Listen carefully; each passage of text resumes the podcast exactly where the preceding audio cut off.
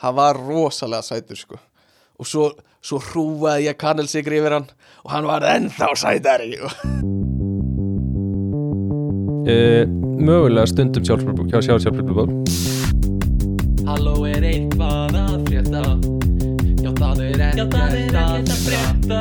Já það er ekkert að frétta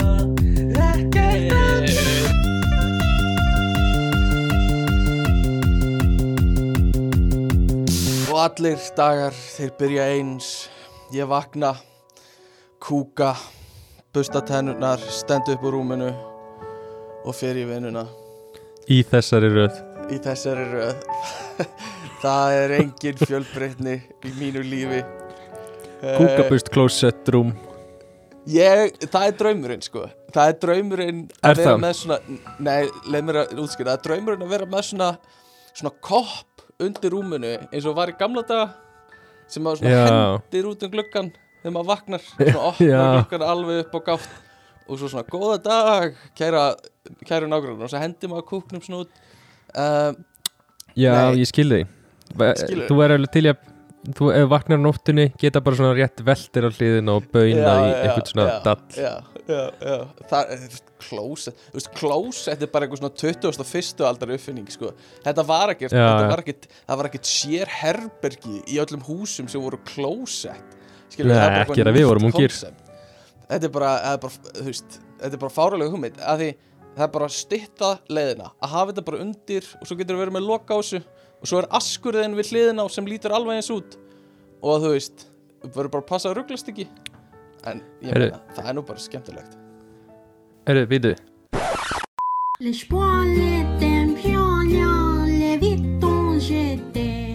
Já, ég held að þetta hafi verið sko steiðsta uh, ein, hérna, tímalbil áður en að þú fokkar einhver upp í upptökum hinga til. Uh, Já, yfirleitt þá hérna, náum við að komast aðeins inn í þáttinn og, og hérna, komast smá flug. Áður en að þú segir nei býtu, ég var að fatta eitt Jú, ég fá- veik henni það.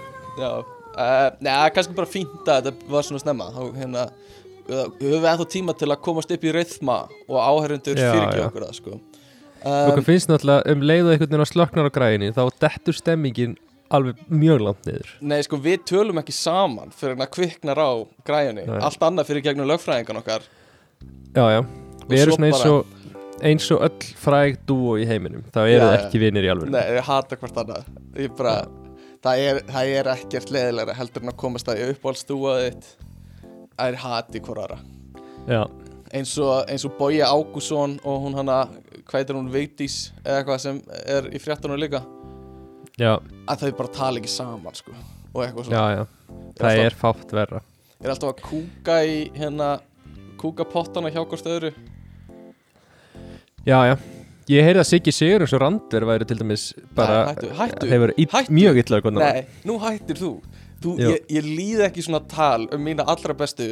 Uh, hérna, uh, Siggi Sigurjóns og Randver þeir eru bara bestu vinnir þeir bara, þeir hafa alltaf verið bestu vinnir og þeir mun alltaf verða bestu vinnir Hefur Hefur gripið í hugsunina að þú ert svona leitar að því hvort að ykkur sé í alvörunni vinir? Já, já, ég geri það. Ég, ég geri það, en sko í fyrsta lagi þá er alltaf þegar kemur út ný mynd eða eitthvað, það er eitthvað svona presstúr hjá stórstjórnunum í, í bandaríkjunum.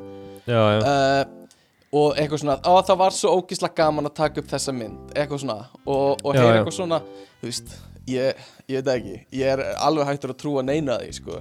Það? Já, ég, ég hugsa það. Og, og það segir líka ógislega oft sko, sko vanalega myndi ég ekki segja þetta. Eða sko vanalega hérna uh, myndi ég ekki segja en þessi mynd var ógislega skemmtilega að gera. Og þau segja þetta bara akkurat þegar þú auglýsa myndina og maður er svona Já, já, já. mm, ok, þú, þú ert náttúrulega svona, það er efahyggja í þér. Já, já, já. Uh, við ef við hekjum menn viljum kalla okkur sko raunsýnismenn en erum í rauninni bara leið, leiðið pjessar sko. Það er í rauninni það sem við erum sko. Uh, En, en e- ertu með eitthvað dæmi?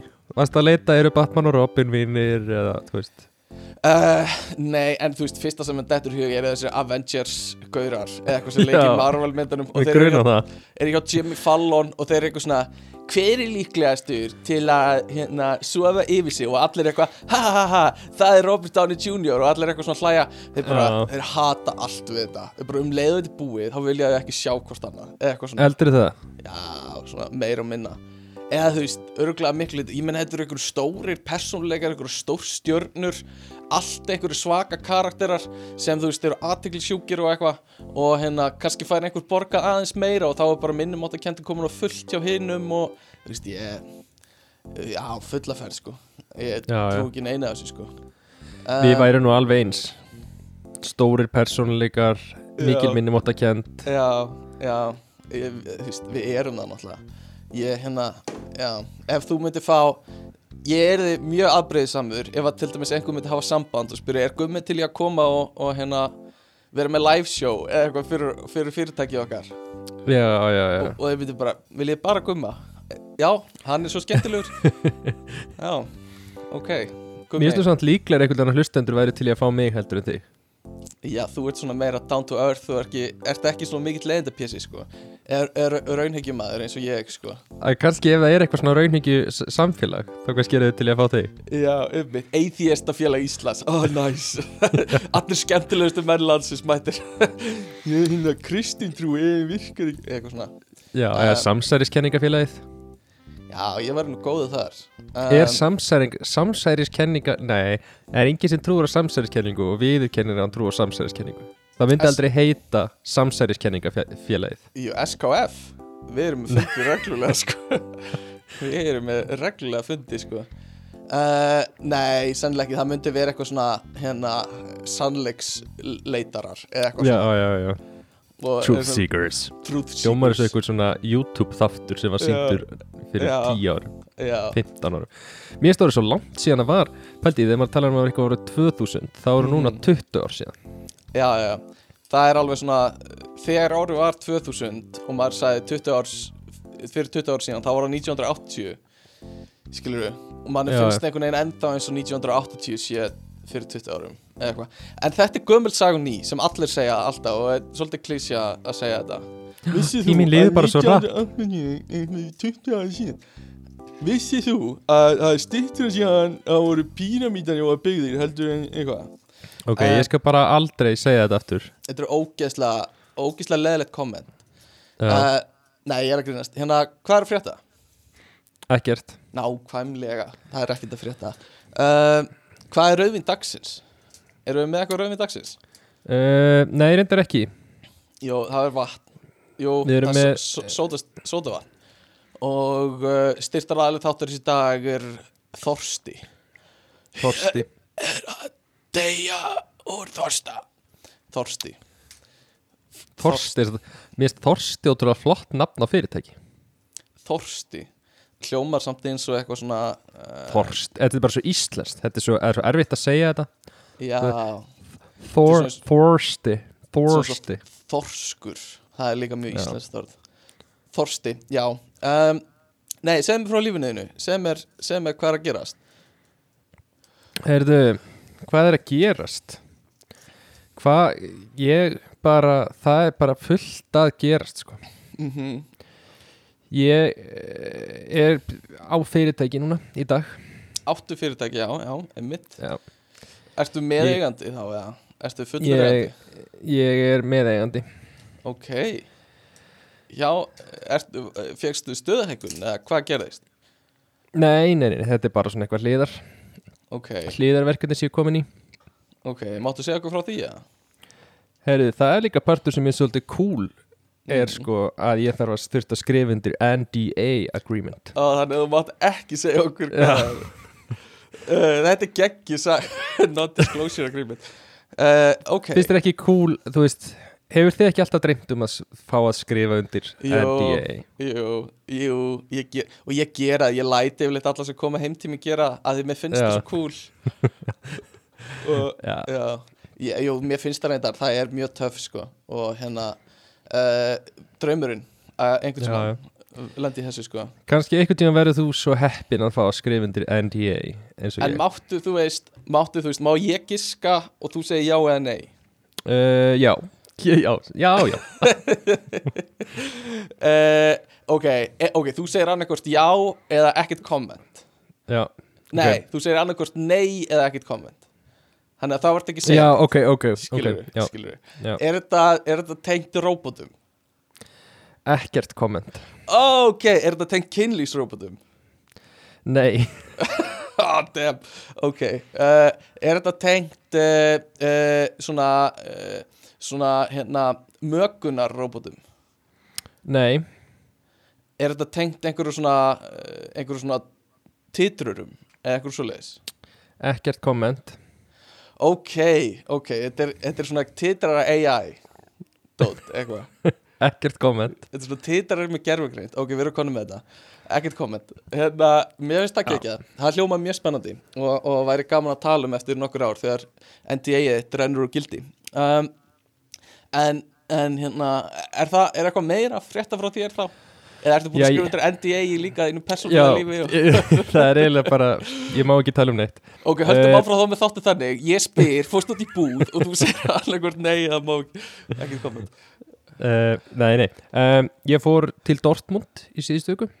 Ah, Það er svo fullarins Fór Mér finnst einhvern veginn Finnst þess að það séu bara fullarni einstaklingar í Dortmund.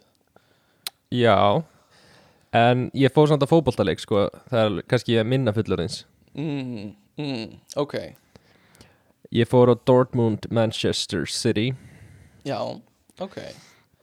Og fjö, þú náttúrulega það, Þú ert alveg besta manneskja til að tala við mig uh, Já, um ég er bara, ég get spurt um allt, alla leikmenn Ég veit allt um þetta. Já. Veistu En hver er framherjin í Manchester City? Já, no comment Já, þú er búin að skrifa til NDA Ég er búin að skrifa undir NDA Ég er búin að vinna verkefni fyrir liðið. Ég má ekki tjá mig. En ég skal segja það, hann heitir Haaland. Ok, Og er svona framtíðar Ronaldo Messi gæi, ok, sko. ok. Heitir ég Gaurinn Ronaldo Messi? Ronaldo Messi, já. Vá, ok, og hinn heitir Ronaldo? Uh, Já. Cristiano Ronaldo og Ronaldo Messi. Ok, já, Já. sorry Og ég sá hann. Mhm. Þar að ég er núna búin að tikka í bóksi Þess að ég mun geta sagt Já. uh, mhm, Börnunum bara- minni í framtíðinni. Mhm. Svona eins og afiðin er eitthvað Ég sá nú einu sinni Maradona. Já, já, já, Nú get ég sagt Ég sá einu sinni Haaland sko. já, einmitt. Einmitt. Uh, Já, ég held reyndar að afi minn hefði verið meira svona Ég sá einu sinni hérna Sólina. S- Sólina. Uh, Ég sá einu sinni sólina Svo fór ég bara inn. Uh, Já, eitthvað svo leis Nei, ok, það er mjög spennandi. Þetta er, þetta er checkbox til að vera hérna, þú veist Ég veit ekki hvort það er áhugaverður afi eða pappi eða bara svona, svona Um, ó, ómerkileg staðrind pappi uh, Já, klárlega setni sko En þú veist. Ok Heldur að krakkiðin fara í skólan og bara Pappi minn er sterkari pappi þinn. Og krakkið þinn svarar Já, en minn hefur allan síða Haaland. Og, og Eh, krakkið já. eru bara Wow, ok. Ég, Það er ekki mikið sem ég getur komið tilbaka Þú veist, Nei, nei, ef nei. pappiðinu vissi Haaland sko. Já, já. En þetta er líka samt, þetta er svolítið iconic uh, völlur líka sko. Fyrir Mm. fótboltamenn sem er að hlusta þá er þetta náttúrulega Þetta er svona eitt frægasti völlur í heimi sko. Já, já, já. Og ég stóð í gula vegnum sem er, myndi ég segja, ein frægasta stúka í heimi mm, mm Að Þið finnst svo leðilegt, það er svo erfitt að tala við um þetta Þið finnst þetta svo leðilegt Ég bara hugsa að Mér erst helviti hart skotið að lögðarsvelli að halda þessu fram. En- Já, já, já Allt er góð já. Nei, tölum bara um eitthvað annað. Ef að tala um Nei, einhverjum Marvel mynd nei, eða eitthvað? Nei, heyrðu, heyrðu, er bara, er hart skotið hérna? Bara, nei, hérna en það sem ég hugsa er að þú hefur þá þetta er ákveðin svona þú hlýtur að halda þá með þessum Haaland núna, það sem eftir er eða þú veist, þetta er ákveðin fjárfesting fyrir þig, að ef að honum gengur betur, þá verður sagan þín betri, skilur Já, já, ég ég held ég þurfi ekki að halda með honum sko. Ok, Ég held að hann bara stendur sér nógu vel að ég haldi með honum. Ok, ok, ok. Fæn uh, já, nei, mér finnst það geggjusaga og, og ég, ég til í að tala um hana í allan þáttinn. Höldum Já, það, já, já, ef að halda fram að tala um hana?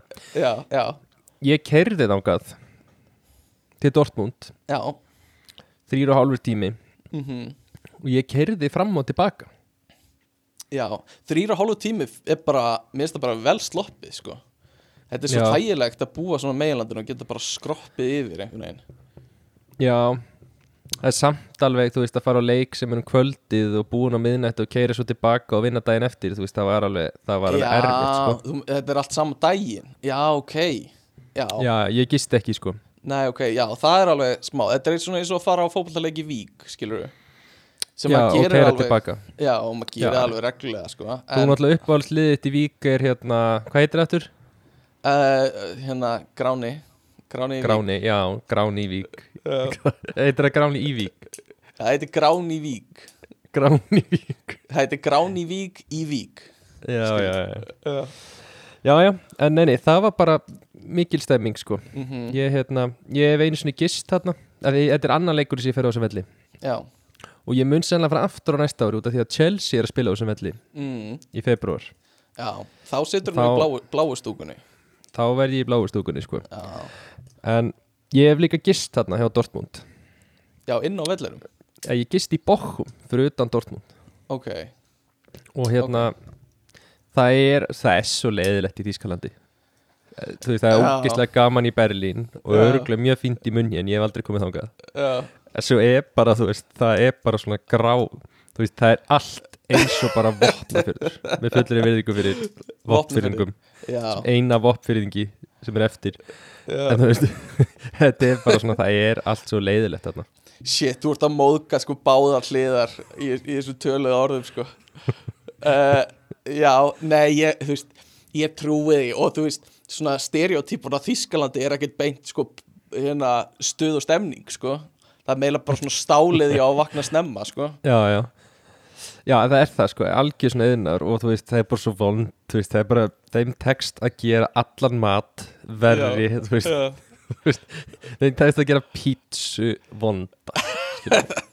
Það er afrek út af fyrir sig sko Já, Já, ok. Þannig að en mæli með að heimsækja Þýskaland, sérstaklega Bochum. Já, Bochum, við mælum með því. Það er einn dórsað af ekkert að frétta. Um, Já, nei, hérna ég er Ég er heima þessa dagana núna. Uh, Konan mín fór til bandaríkjana um, Að reyna að skrifa masterstritgerð í, í ferð til vingunum sinnar Sem bara To be Í Harvard? honest Já, í Harvard Þú veist, ef einhver staðar þú getur einbettir að skrifa masterstritgerð Ætti það að vera í Harvard, sko um, já, já. en, en þú veist ég verða veikina, ef ég verð að gera þetta þá myndi ég held ég ekki ná að einbytta mér ef ég væri til, í útlöndum einhver staðar í svona innan geðslapa fríi að hérna reyna að skrifa rítgerðina mína, sko Nei, ég get alveg ímyndið mér að ég og þú bara saman í London eða eitthvað. Já, já, nei, einmitt ef að fara til Oxford að skrifa já, já, leigjum einhverja Airbnb og búið að gera það Nei, ég hugsaði að myndi ekki ganga vel en ég hef full að trúa því að, að hún muni ná að æbyrði sér betur en ég um, en hérna uh, já, ég veit ekki Harvard, er það ekki er það ekki plebbaskóli, já? Var Harvard ekki bara eitthvað svona feit pæling sem gekk ekki upp eða? Já, ég held það sko ég, hérna, Hefur þið heyrt um Háskóla Íslands? Uh, hefur þið heyrt um Vaffer 2? Nei uh, Það er sko mikla í hverju hotni og allir í harfa bara wow En Eh. já, ég held sko, ég held að sé svona, nú er ég að bara tala um mér að skattinu, að ég Mm. veit náttúrulega ekkit um það hvernig það verið í Harvard. Nei, En ég mynda meira að sé alveg ógeðslega leðild að vera í Harvard. já, Uh, ég held að sé svona, þetta er svona eins og að vera í MR, einhvern veginn það er búið að mata, Mm. eða það var ekki leðild í MR, þetta er svona MR mínus félagslífið, ok það er bara svona búið að mata ofan í þig einhvern Ok, veginn, já. að þetta sé, þú veist, við gerum alltaf gamla mátan, við erum bara með Mhm. krítatöflur og svoleiðis, mm -hmm, mm En á sama tíma þá held ég að færi mér rosa vel að vera með Harvard á félagsgráni sko. Já, já, það færi þér mjög vel sko og hérna, myndir líta vel út hjá þér uh, Já, ég, þú veist og það eru örgulega rosa mikið svona hérna, þessir merkumenn gengu eitt sinn gangana í Já, Harvard, já, svona eins og MR var svona, hér gekk eitt sinn Halldór Lagsnes þessa Já, ganga. En hann kláraði ekki eins og skólan sko. En MR er bara, í þessa ganga gengu tveir Nobelsveluna hafar, eitthvað svona Já, Uh, já. og vera að er sér Svo er maður einhver alveg bara þunglutur pleppi þarna að lappa og þú veist já, í einhverju, í einhverju svona Nýfallin í einhverju brói og já, í- einhverju svona þykri dúnúlpu með síða kók og bara á miðvikudegi bara hérna var haldur lagsnis einu sinni. Og Ég- já, ég, Það er samt skrítið sko, ég tengi svo mikið að það er í mentaskóla að vera alltaf í úlpu. Já, ég líka. Algjörlega, algjörlega. En þú veist, va, voru skólar ekki hittaðir upp? kynnting var engin kynnting svona þegar maður hugsaði tilbaka nei, já, það er svolítið þannig að vera í úlpu og hérna já, illa sofin og svona sitja bara fram á borðið sitt og hérna, Já. já um, Við vorum náttúrulega alveg sérstaklega illa sopnir Já, sérstaklega á, á síðast árun okkar. Uh, Algjörlega sko. Um, En hérna, nóg um það Nóg um þetta, þetta skólatal. Ég ætlaði nú ekki að koma enga til að tala um það. Uh, Ég fór á Ok, nú, ég þarf að bera eitt undir þig. Hvort að ég er, hvort ég er alveg fáralegur út á þekju með því að, að gera þetta. Eða, eða hvort þetta er frábær hugmynd. Nei, Ok. hérna Ég fór á svona Það sem svona hefðbundið væri kallað double date um daginn. Uh, með, með kærustunum minni uh, og vinkonu hennar og nýja kærustanum hennar. Sem sagt, já, þú skilur mig. Já, ég, ég, ég átta mig á því. Þú ert að fylgja Ég er að fylgja. Já, þú útskrifast á MR, væntalega og hérna um, og þær fóru að panta mat. Og við hérna strákarnir enduðum tveiraborði, ég hef aldrei hitt hennar gaur áður. Þetta var svona, þetta var svona fjármála einhver hérna töffari sem vinnur hjá einhverju fjármála fyrirtæki að fjárfesta peninga og eitthvað. Og hérna ég hugsaði hvað ætli sér besta leiðin til að bónda? Bónda. Og hérna og ég, ég spurði, basically það fyrsta sem ég sagði við hann var hérna hvað er uppáhalds podcastið þitt uh, og er það ekki fyrst er það ekki góð spurning eða? uh, um, Ég uh, það var svolítið upp á þurru sko. Já, mér, mér það Þetta er eitthvað svo svona Þú veist, varstu með ég, ég skal segja ég var, skal, var, ég skal, var þetta ég ekki skal mála samtal þessu. milli ég skal mála þetta fyrir þig þær voru að panta, við vorum búnir að panta. Og hérna við settumst á borðið og þetta hefur verið eitthvað neins svona. Má ég giska, á- má ég giska á eitt bara Ok, dítil í þessu sög ok, ok. Hélstu á matsalninum nei, nei, nei, nei, þetta var svona matöll þannig að maður var búin að panta. Uh, þannig að, að hérna, er ég, sko ég, já, já, ok, sleppið því bara. Þú sást mig fyrir þér með matseðlin og leggja hann niður uh, Nei, ég sá meira fyrir mér að þú svona tækir hann Mm. og tækir hann svona eina hendi Já. og svona bendir á hann með spyrir það er mjög ásakandi sko. uh, Nei, það sem ég ger ég pota hans í bringun á hann mm. og hérna ég segja við hann eitthvað svona flottu staður og hann segir mjög þurrt tilbaka mm já, Þú veist, hann er ekkert að gefa mig mikið þannig að ég Já. fer bara full on í þú veist eitthvað sem svona, það er svona smá lýsir manni sem mannesku, hvað uppbóls podcastið þetta er. Held ég, skilu, það er það sem ég held og ég segi við hann hérna, ok, bara pæling hvað er uppbóls podcastið þitt? Og hann svona horfir á mig segir ekki neitt og svo svona uh, þegar hann hugsa og ég segi bara "Er eitthvað hann hlusta mikið á? Og hann eitthvað svona uh, bara svona næstu eins og að veit ekki hvað podcast eru. Og svo segir hann í ljósi sögunar um, ah, sem abort. er já, Abort sem er svolítið abort skilur, það er alveg svona uh, ok, það er engin, þú veist, já, já ljó, í ljósi sögunar, frábært podcast en þú veist, það er ekki þú veist, það er ekki eitthvað svona ég hefði haldið eitthvað fótboltapodcast eða eitthvað skilur það er svona meiri karakter í því. Já, Uh, og Varst að vona að vera podcast Svo þú ekki það? já, og svo segi ég eitthvað bara svona til að maldi móin bara eitthvað svona, já, það er það, það er frábært podcast, hún er vera er náttúrulega alltaf góð og þá er alveg komið svona, ég held að þetta myndi búið til meiri samræður, skilur Já, það var bara búið þarna. Eða það er bara búið þannig að því hann, hann, hann bara hlustaði ekki á nátt podcast. Uh, en svo þú veist koma stelpunum tilbaka sem kattar alveg á þetta innrihaldsríka samtal sem við vorum að eiga. Og hérna, hérna ég, var, já, ég var að kynnast honum. Og, og hérna og svo segna þá kemur þú veist, kemur upp að ég hafi verið í tökum eða eitthvað sem var svona smá eins og ég væri að fara að plugga mínu podcasti við hann skilur við Já, algjörlega þannig að hann heldur að ég hafi verið eitthvað svona já, vissu, en ég er með podcast sem þú ættir að hlusta á, eitthvað svona Já, já. sem ég var ekkert að fara að gera, ég var bara að reyna að koma upp mér finnst það gott, góður opener sko. er, Já, en töluðu þið meira saman um kvöldið eða?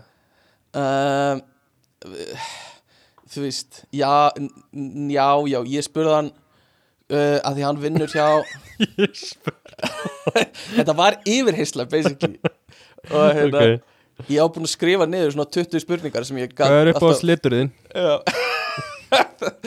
ég hefði örgulega fengið meira útrúnu þar sko um, nei, nei, ég Svartur svart, já, já, nei, þetta er svona eins og að segja svartur er að segja vera illa bara, já, ok, svartur er alveg töff litur en, en samt svartur í alvörinni, viltu ekki segja neitt meira persónuleika uh, nei, en hérna Jó, og þú veist, ég spurði hann eitthvað svona er ekki, er ekki allir sem hitta að spyrja hvert er ég að fjárfesta peningum og hann sagði, jú það er alltaf verið að spyrja með þessu, ég er orðin ógislega því eitthvað svona, og þá hitti ég mark sko.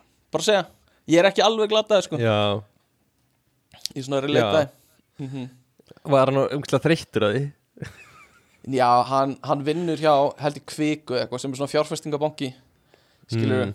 hann ég hugsa allir sem hitta hann og ég hugsa að þetta væri alveg þreytandi að þú segir já ég vinn hjá fjárfestingabanka þá spyr ég eru allir já hvert myndur þú setja peninga ef þú væri að fjárfesta? Eða eitthvað Já, svona. já. Ég held að það er svona það sem ég datt í hug sko. Um, en hérna, nei nei og svo kláraðist bara þetta kvöld. Reyndar, ég spurði kæristunum mín og svo einhvern tímann líka. Ok, svara þú mér getur þú sagt mér hver, ákveðni litin augun og júlíu eru? Já, eru græn. Já, kærasta mín held að ég væri með græn gul augu.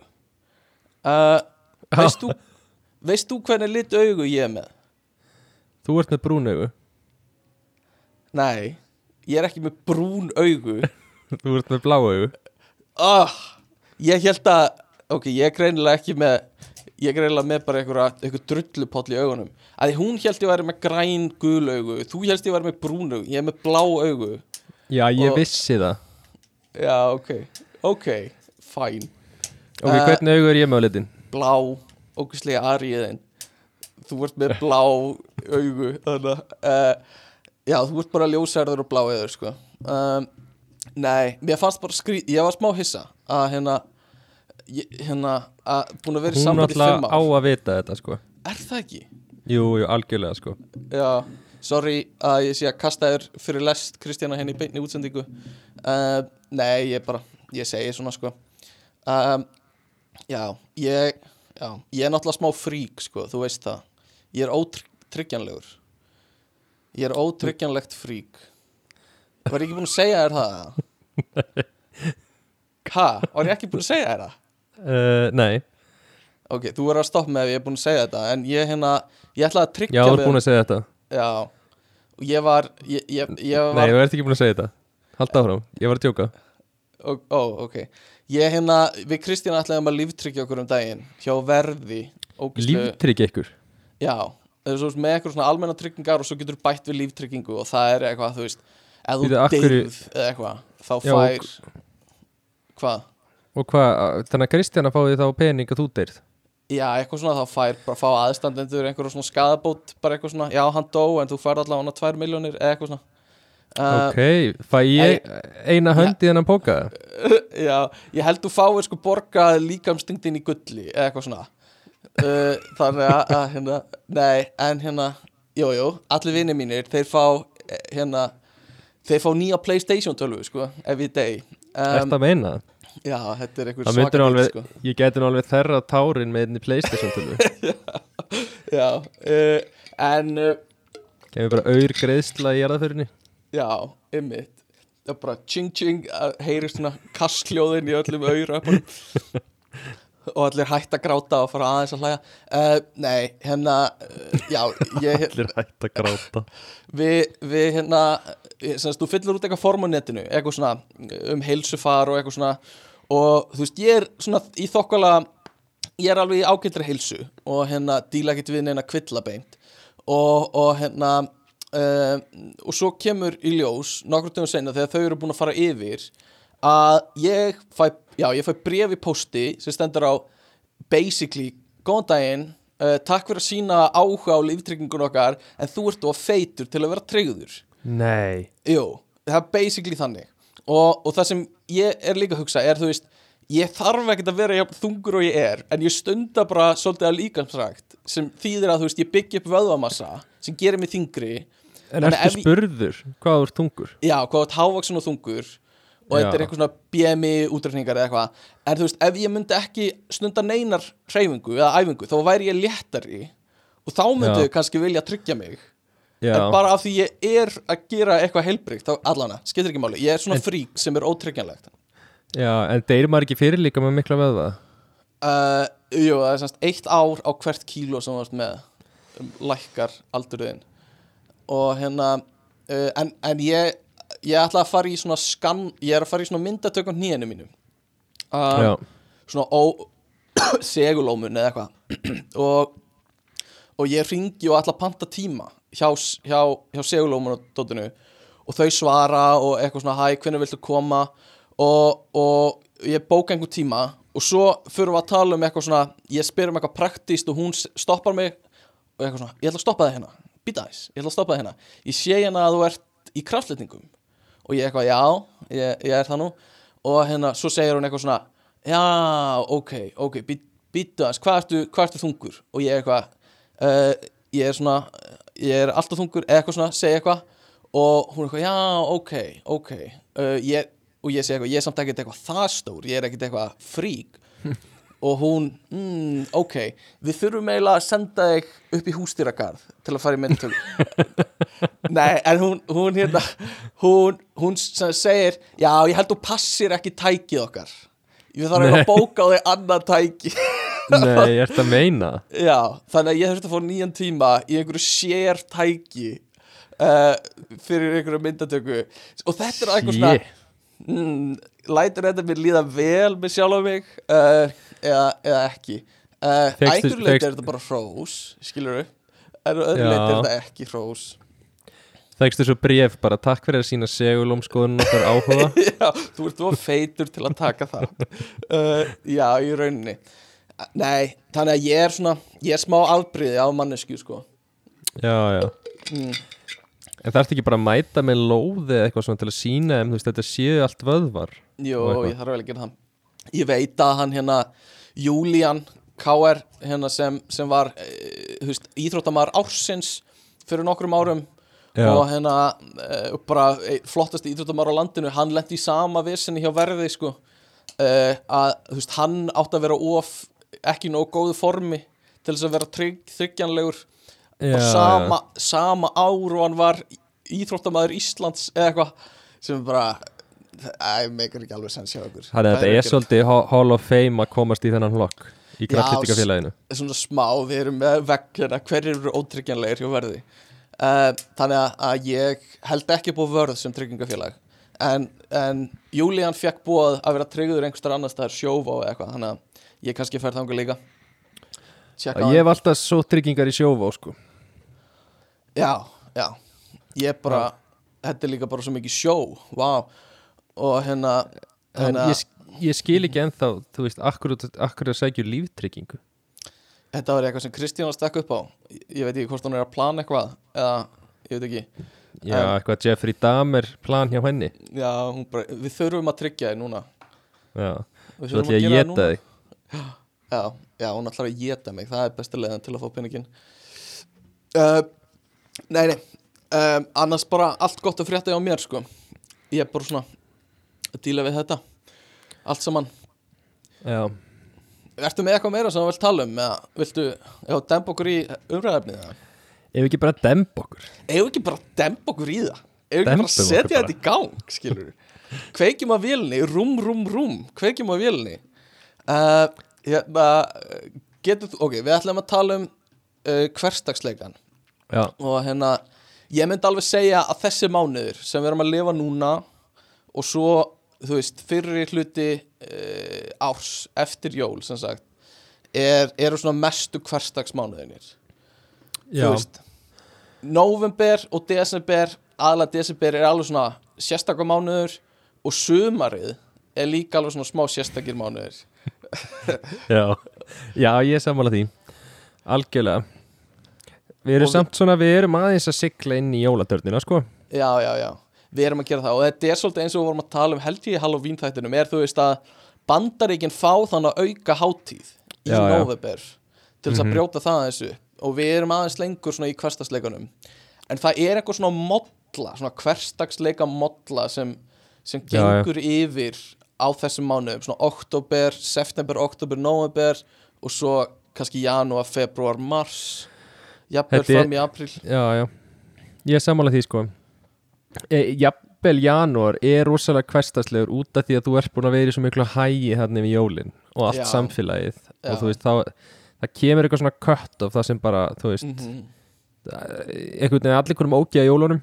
Já, og það er bara svona rifið niður út um allt. Það er ekkert spes veður og svo er komið janúar en Já. á sama tíma er janúar svolítið líka svona nýtt upphaf og við ætlum öll í rektina núna og þú veist Já, þú kýst að horfa á þetta þannig, sko. Þú kemur með hérna jákvæðinu augun, sko.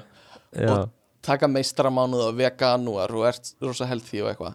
Já, já, algjörlega, sko. Uh, en, en það er samt, þú veist, myrkur yfir öllu og, og hérna, og einhvern veginn fara aftur í skólan. Sitja, að sitja í strætó í janúar á leiðina í, í skólan aftur. Það er Já. alveg svona, þeir eru alveg flykt út í hverstasleikan þar, sko. Svona Já, fyrstu vikuna í skólanum í janúar.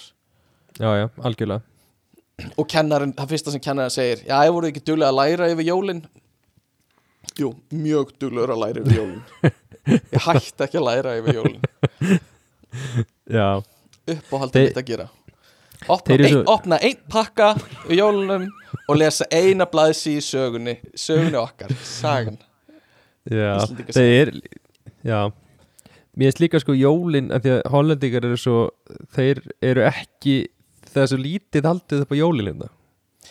Ó, hvað er leðilegt Já, veist. já, já allavega svona aðfangadagur þú veist, það er Mm. bara, skilur ný, Mhm. nei, jóladagur er frídagur já, já. aðfangadagur er bara ekki frídagur Nei, sem er ógislega pyrrandi já.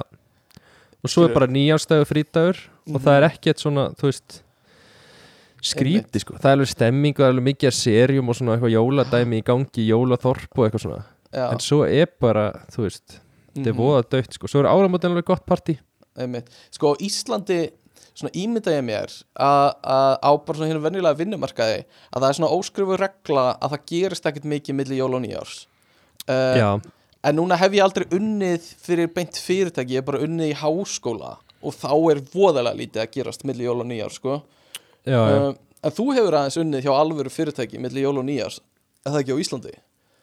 Uh, jú, á Íslandi það, það Jú, það var ekkert að, ekkert að gerast það sko. Nei.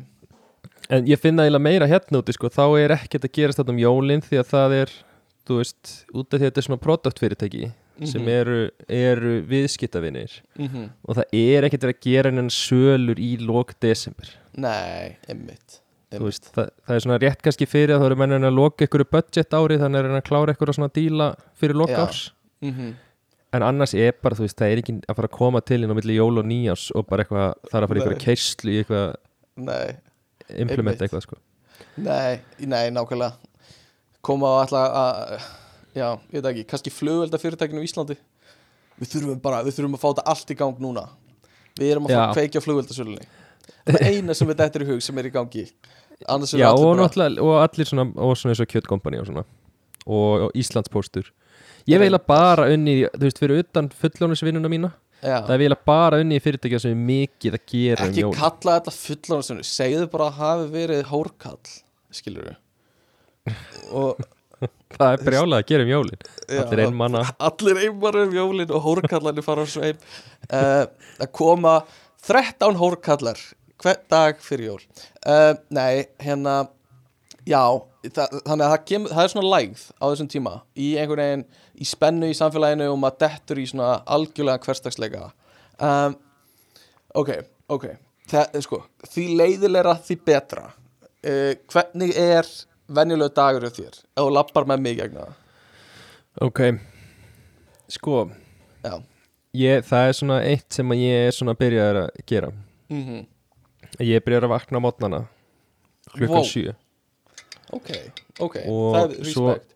Svo hérna fer ég Svo Eða er stundu plan, stundu ger ég er bara, þú veist, eiginlega frekar oft þá ger ég það ekki. En það er svona, ég kann mikið að meta ef ég gera Ok, já, klappar þér á það Þá hérna, þá fer ég í göngutúr. Nei. Í það klukkutíma. Ok, það er hversdagslegt.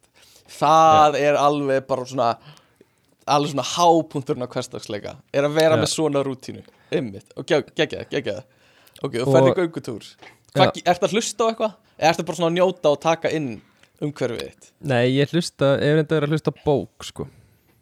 Ok, ok. Það, Það er er hversdagslegra en podcast Ég myndi Já. alveg að segja það, já og, einmitt, og það er líka svolítið svona, þú veist, þér líður betur með sjálfa að hlusta á bók hættur en podcast Já, eiginlega Og er þetta eitthvað svona, er þetta er þetta sjálfsjörpabók? uh, Mögulega Eða- stundum sjálfsbók sjálfsbók Ég vil vera sjálfsjörpabók? Nei, nei, ég er Ok. náttúrulega að segja frá bókinni sem ég var að lesa sem að var oft tekin á mótnan og það var Já. Anxious People bókin Já, já, já Bara flott. Minn ekki sjálfsbók bók Nei, ég verð Eh, bara að segja líka Ég hef séð vaksa svo vel uh, Og þú ert að verða svo fallegur maður Og flottur maður Bara svona út og utan. út Út af sjálfsbók bókunum. Já, já, já. einmitt. Þetta er bara Eh. genuine rose Eh, Ok. Ég ætla bara að rosa það genuinely. Já, já, já, Mér já. finnst þú vera að vaksa í mjög heilbreiða manneski Veist það, Einhvern veginn á ég bátt með að taka þessu sem venjulegu rósi við að gefa mikið skít fyrir sjálfsbók Nei, nei, nei, nei Mér finnst það heilbrið, það er holdt og gott hjá þér að gera þetta og mér Já. finnst þú bara mjög flottur bara mjög stoltur að kalla þig vinn minn sko. Já, já, við erum ekki öll með Nietzsche og náttborðinu Stefán Nei, ég Við- meina Nietzsche er bara svona eitthvað eitthvað svona allra. sko. Nei, nei Hvað þá Hegel sko. En allavega Er, er efni annan þátt? Já, er efni Nei, það er búið. Uh, Sko, já, svo kem ég heim mm -hmm. og ger ég kaffi. Já, og ég fer með kaffi til Júliu þetta er eitthvað það mest cute sem ég veit um sko. og þú hefur verið að gera þetta mjög lengi sko. Já, þetta hef ég alltaf gert, sko. Já, mér finnst og þetta gerir alveg á ógeðslega hverjum cute. degi, sko. Uh, En samt sko TPH Ég held, sorry ég sé að trublaði alltaf. Ég held uh, bara mig persónulega að því, ef við værum í sambandi uh, hérna Þú myndir að hata finn- þetta. mér fyndist, já ég myndi fyrst alveg hata þetta en mér fyndist líka bara svo óþægilegt að drekka kaffi í rúminu held ég, Já, já, já. Ég, Júliu finnst það mjög næst, sko. Já já, ég veit það. Þess vegna er þetta líka mjög cute sko. Uh, Já, svo eftir það þá bara fer ég í vinnuna. Mhm, labba eða hjóla í vinnuna. Mhm, mjög, mjög healthy og svo uh, já, vinn ég og svo er stundum fyrir við göngutur í hátinn í vinnu líka. Semst, fólki í vinnunni og þú, Já, já, vá ok, og þú ert búin að hita þá upp um morgun og getur sagt en hvað er besta göngulega já og ég er svona að reyna að rífa tempóð að stað já, já, mæti með stafina Já. allir að koma svo koma svo einmitt, Nei, nei, en, einmitt. en þetta er bara svona stutt þetta er bara svona rétt nokkur hundru metra. Og já, svo bara vinn ég við daginn og ég vinn til svona fimm. Mhm. svo tek ég annarkvort sko uh, já, þá fer ég oft í rektina Mhm, mhm. þá. En, e- veist, en ég fer ekkit lengi í rektina sko. Nei, nei. Ég er svona, mér finnst, ef ég tek göngutúrin þá, Já. þú veist, þá þarf ég bara aðeins að fara og lifta nokk aðeins upp lóðunum hann Já, bara dífa tannið aðeins svona og tjekka hversu heitt vatnið er og já, einmitt. Þannig ég gerir það. Svo fer ég, vá, hvað þetta er skemmtilegt að bara ég einhvern veginn tali bara um einhvern veginn æðislegt. Þetta er, þetta er svona geggjað fyrir fólk sem fer einmitt í göngutúra að hlusta á einhvern annan segja já, og svo fer ég í göngutúr og svo fer ég aðeins aftur í göngutúr og svo fer ég í þriðja göngutúrin minn við erum öll í göngutúr. Við erum öll í göngutúr. Já, einmitt. Uh, nei, og svo er klukkan bara orðin þú veist, sex, hálf sjö. Mm þannig ég hjóla heim, uh, labba heim Mhm. og, og ég stoppa alltaf í búðin á leiðinu heim. Af því að ég er svo illa skipulaður að ég er, þú veist, ég Mm. kaup ekki inn fyrir vikuna. Mhm, mhm, þannig að ég fer daglega í búðina að kaupa kvöldmatinn mhm. fyrir þann dag. Ok, magnað einmitt Ef, kaupið þú fyrir vikuna? Um, Já, yfirleitt. Ég fer kannski einu sinni viku og gerir stóri innkaup. Og svo kannski einu sinni eða tvisvar í viðbót Já. yfir vikuna, eitthvað slags Er þetta Kristján Incentive eða er þú svona gaurið? mm, Nei, ég elda svona tvisvar í viku uh, eitthvað svo leiðis og hérna og þá, þú veist spyr ég yfirleitt Kristínu hvað er í uppskriftinni? Og hún sendir á mig hvað þarf, ég þarf að kaupa. Og Segir hún þér þá líka að þú ákveður ekki hvað eldar það? mm, yfirleitt bara ákveða það saman stingum upp á bara. Og, og við vetóum eða, eða samþekjum sko. Og, og hérna svo elda ég og, og eitthvað. Hvað, sting, hvað stingur oft upp á banana kjúkling? uh, ég reyni alltaf. Hef aldrei fengið það í gegn. Uh, en svo, svo líka sko ég, ég held ég væri komið með sko bara gulleggið í, í, hérna, í kvöldmat einu sinni. Það var bara, ég eldaði grjónagraut með svona veg, vegan grjónagraut með eitthvað svona jurtamjólk og eitthvað. Og mér fannst það geðveikt góður sko. Og hérna, og ég bara þetta er málið. Og Kristján svona borðaði og ég eitthvað, er þetta ekki gott? og hún eitthvað, mhm, mhm, mhm. Ah. og svo, og ég eitthvað, ok þetta var ekki nei og svo um daginn eitthvað svona, alltaf ég ok, ég hugsi ég eldi bara grjónugraut og gera eitthvað næs. Og hún bara, næ, mér finnst bara grjónugrautur ekki góður. Vá, hún er svo mikið að missa af. Ég veit, hún svona sjattiraði bara svona, þetta var, ég held ég væri komið með svona go to máltíð. Það var bara, En- nei. En varstu, var ótlí mjólka? uh, ég, ég er ekki frá því að ég hafi notað uh, möndlumjólk eða eitthvað leis Já. nei, nei, ætli ég hafi ekki notað ótlí svona gráa ótlí eða eitthvað. Það er nefnilega ótlí það, það er svolítið blekkjandi sko. Mm. Það er svo mikil sikur í því sko. Já, meinar. Hann verður svo sætur. Það Hann þarf var- helst að vera Mm. nýmjólk hann var rosalega sætur sko. Já. og svo, svo hrúaði ég kannelsigri yfir hann og hann var ennþá sætari og, Settur í lifrapilsu og svo braut ég allt slátri og livrapilsur já, ég gerði það. Og setti það yfir. Það er Mm. svo ógeðslega gott það er svo gott sko. Nam, Ég nam, nam. skil, þú veist, ég skil bara hvað er svona visuáli ekki að píling við það. Nei, ummitt Veistu hvað ég gerði, veistu hvað ég gerði um daginn líka? Ég, ég var með grjónugraut reynda sem ég kefti bara út í búð og setti blóðmör og livrapilsu braut út í og svo var ég að borða kryddbrauð með smjöri og ég hugsaði af hverju ekki? Og ég hugsaði já, bara, ok, reyndar alveg hver alveg ætlar að stoppa sko. mig? Hver ætlar að stoppa mig? Og muldi það út í það var bara viðbjóslega gott líka. Já, ég trúi alveg. Sérstaklega frá manni sem ég hef séð borða morgunkotin í juice Það er einhvern veginn kemur þetta mér ekkert á óvart. Já, það gerir maður bara í hallæri sko, eða er, er ekki til sko. Það er rosalegt hallari. Já, uh, En já, ég kaupi matinn sko Þegar ég er svona, þú veist Mér finnst gaman að elda ef ég hef tími að elda. Já, mér finnst það líka já, Og mér langar ótrúlega, þú veist, það er svona veist, það er svo mikið svona framtíða markmi hjá mér er að vera ótrúlega efnilegur í eldursinu sko. Mhm, einmitt. Þann- Þannig ég reyna að elda mig mikið sko og mér langar Ah. svo að vera svona gæinn sem getur alltaf bóðið í besta matabóðið í já Vinnur okkar var að kaupa sér íbúð Núna, nýlega. Uh, Og eldu, það, kokkur átti það á undan. Það var kokkur sem bjóðar já, Þannig að eldhúsið þar er með þremur opnum vá. Já, sem er sem er svolítið magnað. En þú veist uh, mann, mann gæti fundist á overkill. Ég ætla ekki að, neita því. Uh, þetta eru reyndar held ég eitthvað mismunandi ofnar venjulegur opn, svo er einhver gufu opn og svo er einhver svona grill opn eða eitthvað. Uh, en ég meina, já ég hef alltaf bara þurft einn opn reyndar. Já, já, þetta er nú líka kannski synd þegar hann er nú ekki mikill kokkur þessi maður sem maður er að fara að búa þarna. Njæ, ég, nei, nei, ég get ekki sagt það kannski uh, með fullari verðingu uh, Nei, einmitt. Nei, hann er nú, tekur þessu nú til. Uh, En já, ég er líka sko sko að því að Júlia er svo mikill hún, hún er svo viðbrunur alltaf svo, þú veist, að þessi svo geðveitt góður matur. Mm -hmm, mm sem er alveg frábær sko, þú veist, frábært motivation fyrir svona Já, ástöðukokk á, það er kjút Leð mér að leika Júliu að sjá hérna risottoði sem hún gerir í 73. skipti ég er Ok. ekki búin að gera risotto einu sinni hérna einmitt, úti einmitt Þú ert að gera risotto í, í 73. skipti og setur á borðið og Júlia gerir svona Vá, gummi, hvað þetta er flott Á, hvað ég lakka til Er þetta ekki nálægt? Uh, jú, þetta var bara spot on.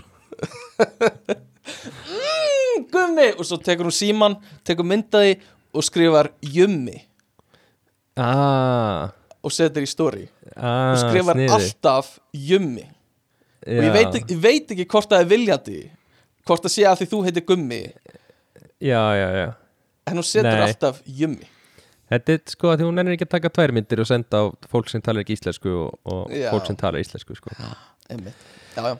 Þannig að, já Þannig að ég, ég geri það Mhm. Svo á kvöldin er sko Þá eru, þú veist Einhverja daga Það er ég að vinna í hinnu verkefninu já.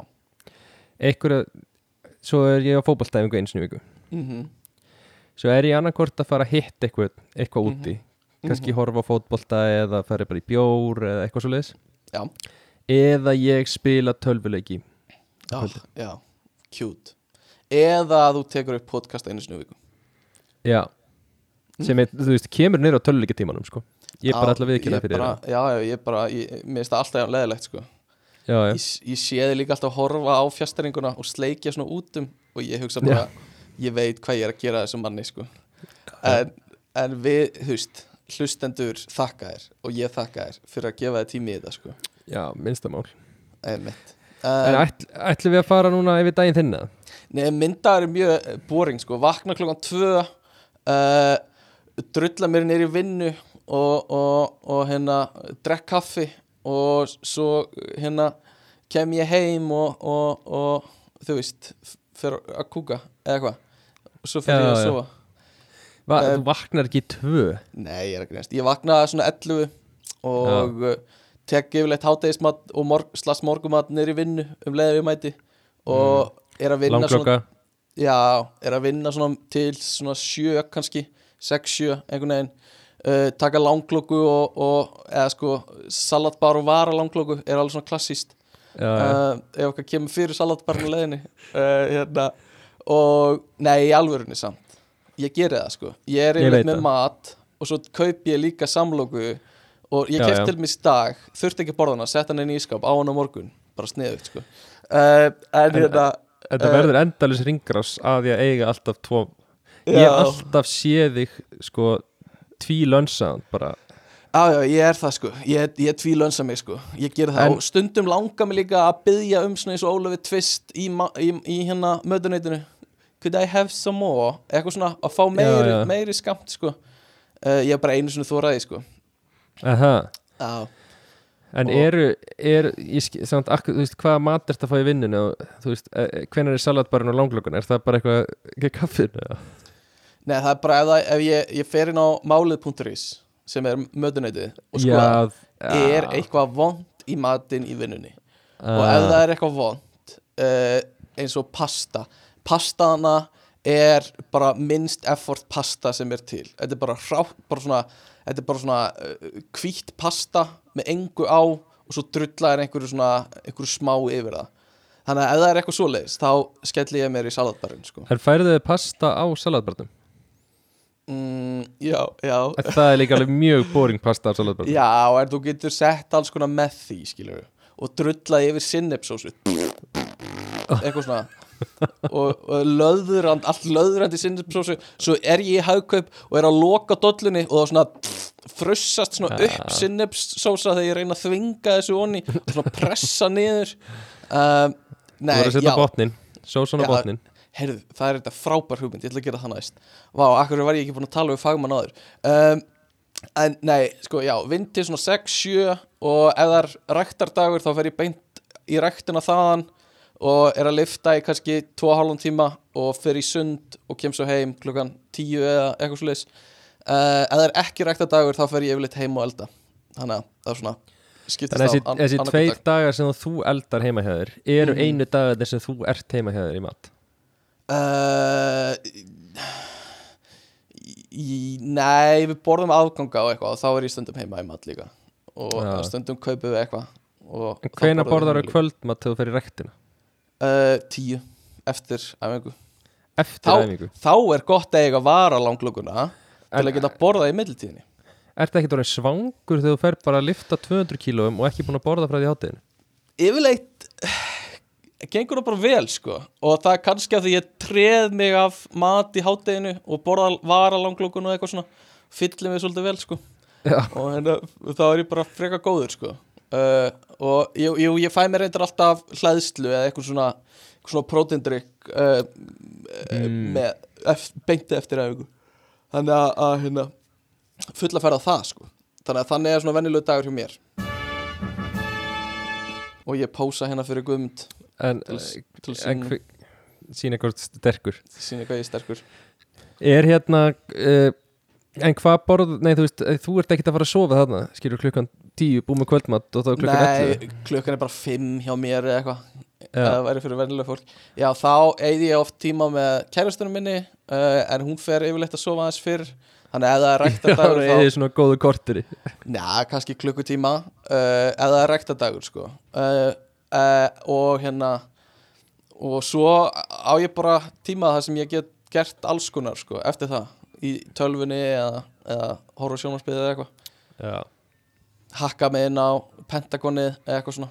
Það er mjög Classic. klassist um, Nei, þannig að, að hérna og svo eru helgar mjög mismunandi. Þá, þá ger ég eitthvað bara eitthvað.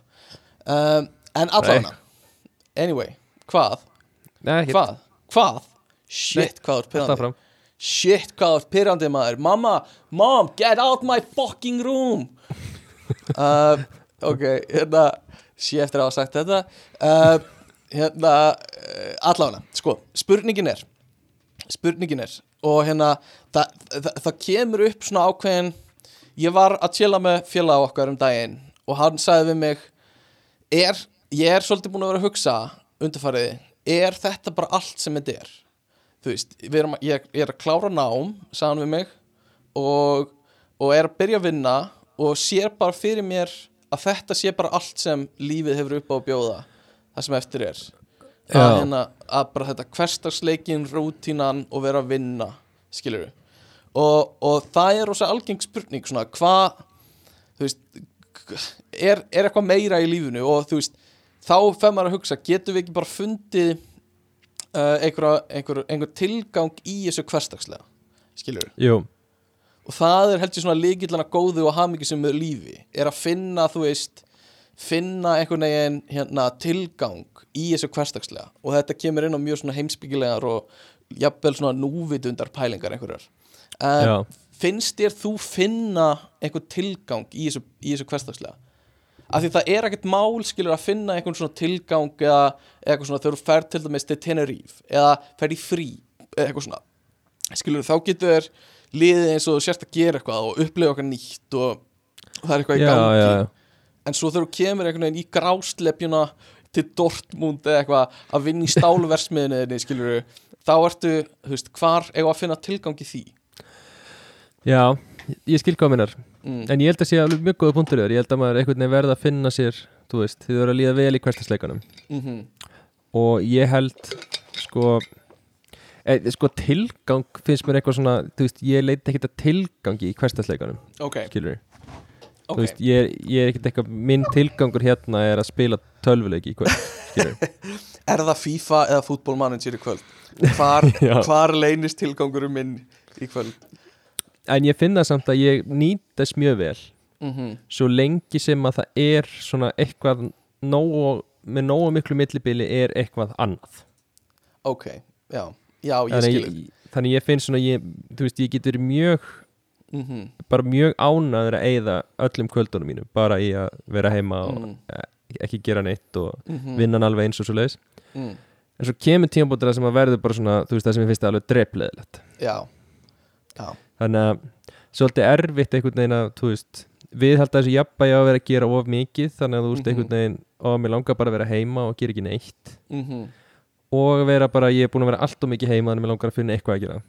Já, einmitt. Þú segja myndur þú segja að sem að tengist þessu einhvern veginn að hafa eitthvað til að hlakka til þú veist, ætti Eh. maður að reyna að hafa eitthvað alltaf til að hlakka til til að brjóta upp sko mér finnst mér finnst það alveg fínt sko mm.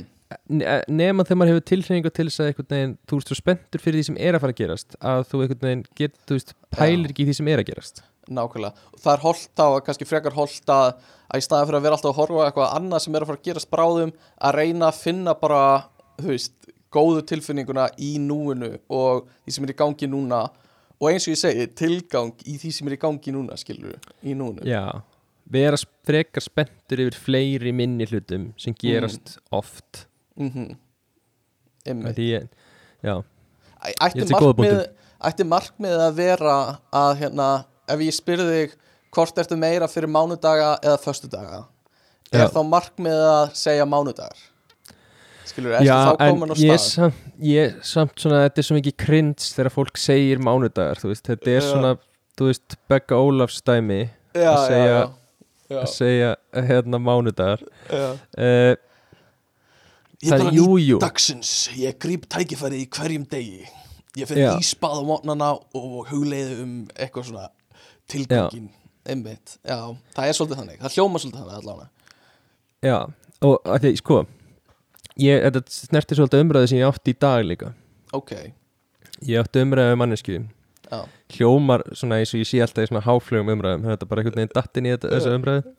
Nietzsche var uppi á 19 en svona eins og nýjalistar já, já, sem að einhvern veginn það gengur allt út á að hafna öllum struktúr og eitthvað svona. Já. Og þú veist, einhvern veginn lifa einhverju svona einhverju svona frelsislífi þar sem að þú þú veist, uh, já fylgir engum reglum og ert bara að hugsa um að lifa og njóta þess og, og Mhm. eitthvað svona. Mm þú veist, hafna öllum struktúr og öllu svona formi og öllu því sem að samfélag er að segja er að gera og þú ert einhvern veginn að fylgja sjálf eða algjörlega og allt svo leiðis einmitt, um, ég er með kenninguna já, að þú getur þetta er mjög svona erfitt balans á milli. Því að það er til mikið af fólki sem sökkvir sér svo djúft í pælinguna um það hvernig það á að vera alveg sama um allt sem er rútína og allt sem samfélagi er að segja þér og eitthvað svona. Mm til þess að ná einhverju svona hamingju markmiði. Mm, en þú endar að fara með hausin það djúft í pælingun um það hvernig þú ætlar að þú veist, Mhm. fylgja þessu eftir að þú endar á að vera meira óhamingjusamur mm, út af því þú búin að eða svo mikill orku í að vera að pæla í því hvernig þú ætlar að haga þér til að hafna já, því sem samfélagið er búið að skilgrina fyrir til þess að vera hamingjusamur. Ok, já. Og hver er þá lausnin? Að einhvern veginn bara hætta að pæla og, og, og einhvern veginn gera og njóta bara, eða, Já, það er svona, þú veist, ég myndi mér að það væri frábært og þú getur fundið balansi að þú getur einhvern veginn hafnað öllum þessum áhrifum. Mm sem að þú heldur að sé að takmarkaði í lífinu mm, mm, og gætir verið bara fullkomlega ánaður út af því að þú gerir það. Já, án þess að kafa of djúft í það þannig að þú gerir sjálfan óhamingi saman yfir að pæla og mikið í því. Já, ok. E, einmitt. eða bara samþykja bara ok, lífið er bara ég fer í vinnu og það er hverstasleiki og Mhm. ég ætla bara að samþykja það og ekki pæli því meira og freka bara njóta þess bara að, já, þú veist fara Já. að kaupa með steik sem ég ætla í kvöldmatt skilur bara, En eru, eru það þá, þá litlu sigranir sem eiga að halda manni gangandi? Eða svona litlu momentin skilur við uh, þú veist, já ég held Já. það sko. já. já, að fýra upp Playstation eða þú heyrir FIFA tónlistina og svona eitthvað út í því. Já, þetta er svona short term value held ég að sé bara mjög oft fínt. Fýra upp Playstationi, FIFA tónlistin fyrir í gang og svo heyrir yfirmanniðin öskra Gummi, þú ert í fucking vinnunni. Það var komin heim til mín. Já, hérna, nei, algjörlega. Mér finnst þetta bara svo Mér finnst þetta svo á, svona áhugaverð og ég líka mikilvæg pæling er þú veist að því þetta er svolítið allt sem þetta er einhvern veginn, þegar við klárum nám nema þú sért einhver svona Instagram influencer sem ferðast um heiminn eða eitthvað svona bla eða einhver miljónum en þú veist þá er bara grændið svolítið það sem er eftir skilur við og hérna. Og það er þetta 9-4 dót, eða 9-5 dót uh, eða 12 til 3 dót sem ég er að vera með, nei hérna uh, það er bara þessi pæling að þú veist við, við erum að fara að endurtaka þetta í 40-50 ár skilur við og hérna já.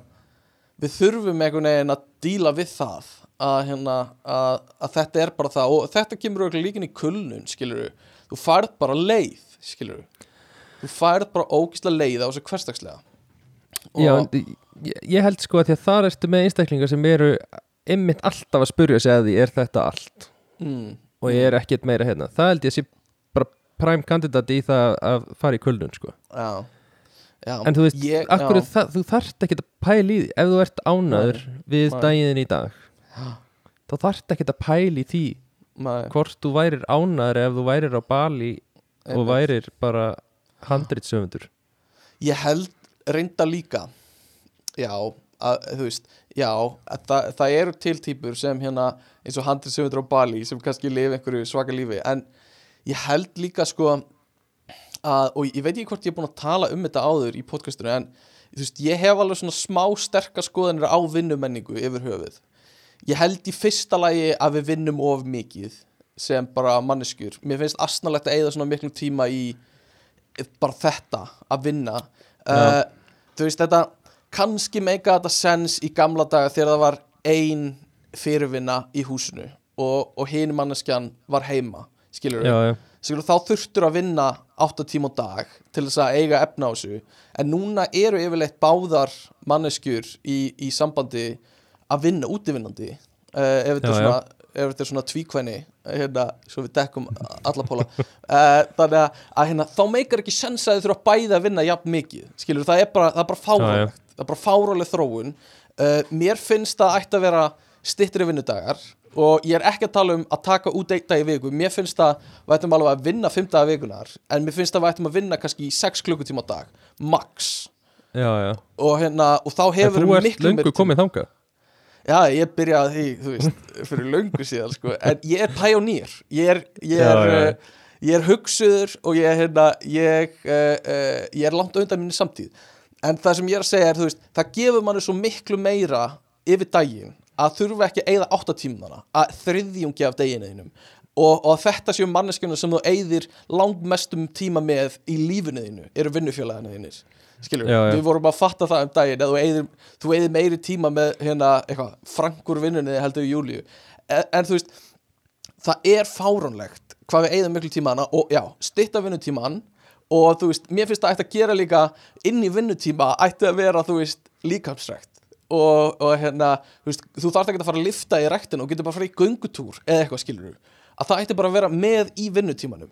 Þú veist, hérna, þitt að ferðast í vinnuna, ætti að vera inn í vinnutímanum. Og allt þetta og hérna og Það er skil- reyndar inn í vinnutímanum mínum. Já, snild, skilur það er snild uh, hérna, og, og eins og sígarettu hlýja voru inn í vinnutími þegar allir reyktu skilur það er bara fáralegt að, þegar allir hætta að reykja þá missu þið allt í hennu klukkutíma af hlýji út úr vinnutímanum sínum. Bara þegar hindra- hlið væri ekki gott ándjóks, lummulhé, kaffi lummulhé skilur það og, og vinnað myndi bara kaupa lummur fyrir alla. Það verður bara lummur og all nei, en hérna uh, já, ég veit ekki, mér finnst bara of mikil áhersla lögð á vinnuna hjá fólki og ég veit það er auðvelt að segja þetta og, og það, veist, það er hægt að segja eitthvað svona já, fyrirtækin myndur ekkert fungera án þess. Jú, þau myndu gera það skilur það það er ekki þannig að, að, hérna, að þetta skipti öllu þessu máli og hérna, uh, hérna þú veist þetta fungeraði svona þegar það var bara einn útivinnandi á heimili skilur það var helmingi færri á atvinnumarkaðinum. Já, já. Nei, ég er alveg sammálaður, ég held að sé rétt og þetta er líka svona smá það sem gerðist í COVID mm. þegar fólk var að vinna heima og þú Mhm. veist Æ, ég kaupi ekki þegar fólk er að ljúga því að hafi verið heimi á sér og hafi allir verið að vinna ógæslega mikið. Nei, en ég held að það hafi verið miklu heilbreiðara svona work-life balance Já, á því, sko. fólk var alltaf í einhverjum göngutúrum og taka þóttavilni og þú veist, klára fullt af einhverjum svona heimaverkundum og meðan það var að vinna. Já, og Svo bara kom þetta vel út. Já, og svo, já, svo bara kom það vel út. Og þú veist, við, þá höfum við líka meiri tíma fyrir börnin okkar ef við eigum börn, til þess að eigða tíma með þeim sem náttúrulega skiptir langmestu máli skilur við, í staðan fyrir að eigða einhverju tíma til að streta endalaust fyrir eitthvað sem þú skiptir ekki máli, en svo getur líka komið upp að þið finnst gaman í vinnunni og þú viljir eigða tíma, það er bara allt annað mál skilur við, þá bara gerir það. Eins og Já. einn ein félagi okkar sem segist vinna tíu tíma á hverjum degi og, og hérna og hann er bara sáttu við það skilur við tíu Eh, tíma? Já, hann verður í Svíþjóð hjá gömlu farsíma fyrirtæki já, hérna- já, já. og, og maður er bara af hverju er einhverja, er neyðið til að gera þetta? Sko, og hann sko bara gömlu, gömlu farsíma fyrirtæki er svo mikil móðgun við þetta fyrirtæki. Uh, já, að vera ekki já, ánægð með uh, Æ, þetta var smá rant hjá mér um, um vinnumenningu. Ég örgulega held eftir að- taka annað svona rant sko. já, nei ég held að þetta sé bara mjög góði punktar hjá þér sko. Mér finnst þetta bara ekki sense sko. Bara svona sem manneskjur Skilur Mér finnst Já. við Mér finnst það bara Mér finnst við ekki þurfa að gera þetta. Og, og hérna, þú veist, jú, jú Þú þarft kannski að leggja hartaðir í vinnunni. Og hérna, en mér finnst bara að samfélag ætti ekki vera þannig uppbyggt Að lífið snýst um vinnuna. Skilur já, og líka ég held, þú veist, þú þarft ekki að leggja eitthvað það hart þær í vinni Nei líka það, þú getur verið með einhverja vinnu og svo þarftu bara að mæta og vera þar í átta tíma eða eitthvað skilur það bara, það er ekki að skapa gildi fyrir samfélagi það er bara að taka frá þér sem personu einhvern tíma sem þú ættir að hafa til að, til að gera eitthvað annað. Og þá finnst mér líka að það ætti að vera meiri áhersla á að fólk finni sér einhverja ástríðu. Skilur, þá finnst mér Já. vera pláss fyrir það að þú ert með vinnuna þína og svo ertu með ástríðuna þína fyrir utan það.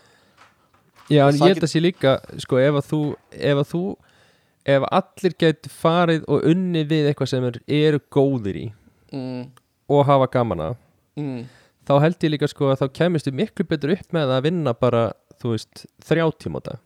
Þið fá eitthvað sem er góður og hefur áhuga á því sem hann gerir til að vinna í þrjá klukkutíma Já. er þetta? ég ekki þetta uh, Jólin er að koma. Já, góða daginn, kling, kling, kling en Eh, sko, já. ef þú finnur manneski í það þá er miklu betra að fá þannig manneski í þrjá klukkutíma heldur en einhverja manneski sem frekar lélega í því sem hann er gera og hefur ekkert svo Já. gaman að því í nýju tíma sko. Já, og skila bara sér einmitt uh, Ég vil enda þetta rand á bara að segja hérna, uh, kapitalistar come at me uh, Ég er til í að fara í sjómann við hvaða mannsku sem er sem vil skora mig á hólm í þessu á þessu randi og koma með eitthvað. Ég er til í að fara bara, ég er til í að fara í störukeppni eða puttastri, skilur, ég er bara ég tekið þetta allt, sko. Uh, allt nema raugraður Já, allt um raugur, come at me bitch.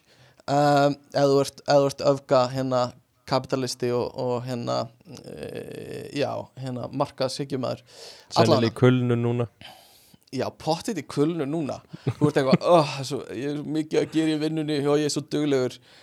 Hættu. Eð, bara fá þér líf, lifðu vera eitthvað annað að vinna. Þú verður ríkur.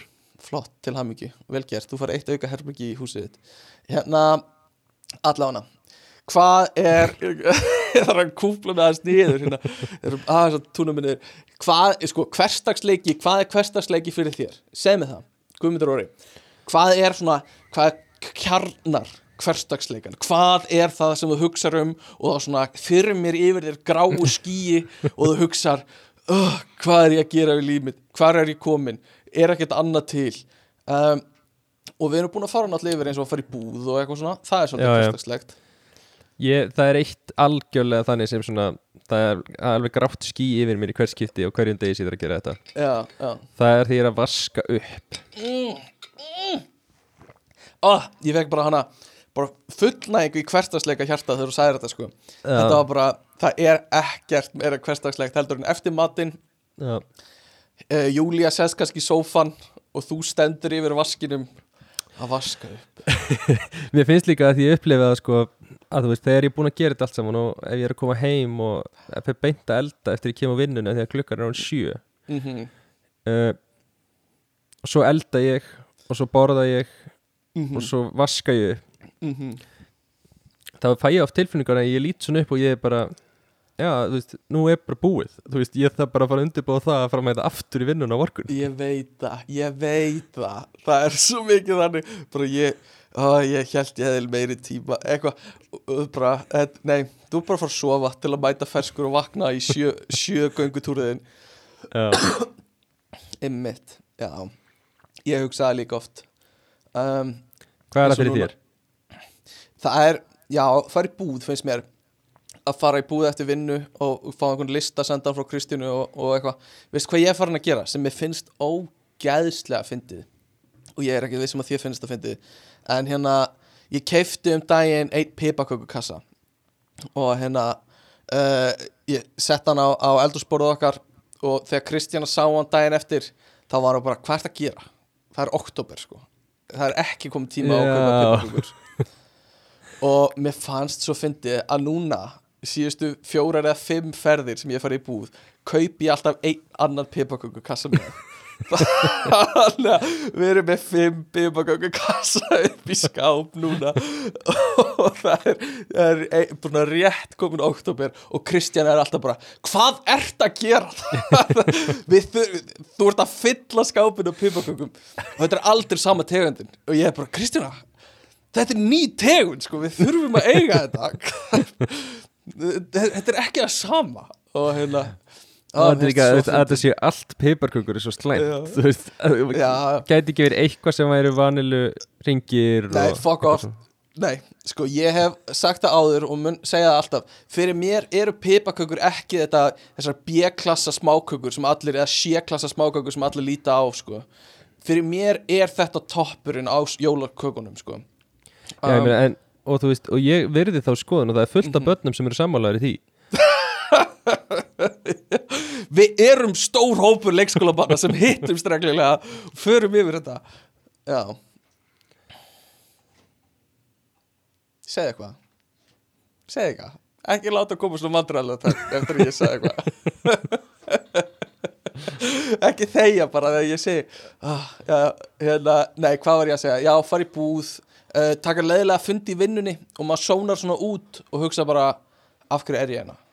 Hvað hérna þetta er ekki eins og, þú veist, ég hef ekkert til málun að leggja á þessum fundi. Já, þannig að, að mér finnst það rosa hversdagslegt og hérna uh, þú veist, það er kannski einhver þrjú önnur teimi með einhverja kynningu og, og þú ert bara eitthvað að hlusta að gera ekki neitt, sko. Já, uh, mér finnst rosa hversdagslegt þegar ég býð í, í röðunni í mötuneytinu í vinnu með svona bakka svona, svona, svona eins og maður með í grunnskóla og mér líður bara eins og ég sé í grunnskóla aftur að koma að fá eitthvað svona grjónagraut með slátri og eitthvað svona. Og, með hárnet sem svona já, svona frussar einhverju mat. Mér finnst það rosalega hversdagslegt. Mér finnst mjög hversdagslegt að drepa drega og, og þú veist mér finnst líka elda mat um, að hérna, þú veist ég seti yfirleitt bara podcast í gang og, og hérna ég sóna bara alveg út þegar ég er að elda mat. Mér finnst það mjög næs oft. Já, Um, já. Og hérna uh, fara í sund kannski og fara á æfingu. Það er svona, svona smá, svona brýtur upp daginn þannig ég veit ekki hvort það er hversdagslegt. Ég er eitthvað öfundaði rosalega fyrir sund svona hérna, það er svo gott sko. Það ég tók svona þannig tímabil á Íslandi og það Já. var sko ef maður getur tekið sko. morgun göngutúrin og endað þessi Ah, punktin farið í hérna farið í hérna uh, vestubæðalaug um morgun og ver, taka múller sæmingar með gamla fólkinu. Oh, það og taka einhvern veginn einar, þú veist svona þrjár, fjórar ískaldar ferðir í reynibrautina oh, og krakkarnir sem eru fyrir aftæðir er að spyrja má ég fara undan? Og þú segir nei fokka Já. oh, Þú ert ekki í kulnun þú ert ekki kullun eins og ég og svo situr efst í rennibrautinu og hugsa um lífið með krakkaröðin myndast. Já, jú, það er alveg mér finnst reyndar svona svipað og þú að tala um að þú upp. Og mjög tengt því að því, að því ég er með sko upp þvóttavél þá svona minkar aðeins það. Rub it in. já, rub it in baby. Og hérna, en ég er hengja upp þvott sko. Og hérna Já, það er leðilegt Já, ég set yfirleitt í vél á kvöldin og hérna er að taka úr vél klukkan eitt eða eitthvað svona tvö, kannski um nótt. Og uh, er að hengja upp þvott og ég, veist, af, ég er með þurrkara sko. Getur Já, þú sagt já. mér af hverju hann er ekki notaður venjulega? Kristjana segir mér alltaf þurrka Nei, segir mér alltaf að hengja upp. Já, það finnst alltaf eftir hvað þú ert að þú veist, hvað ertu að, að þvó Ég er bara að setja allt í þurrkaran bara eins og við gerðum þegar við vorum á stúdentátölinu bara allt í Nei, einu nei. þvóttavél og allt í einn þurrkara. Nei, nei, þú náttúrulega setur ekki skýrtur í þurrkara sko. Just fucking watch me. En ég minna, vallaði Kristjana með þurrkara heima og ég bara setja ykkur á tuskur á að hengja þér upp. Við notum þurrkaran mjög lítið. Við notum það bara fyrir rúmfötin okkar og einhverja tuskur. Já, en veist Ah. sokka?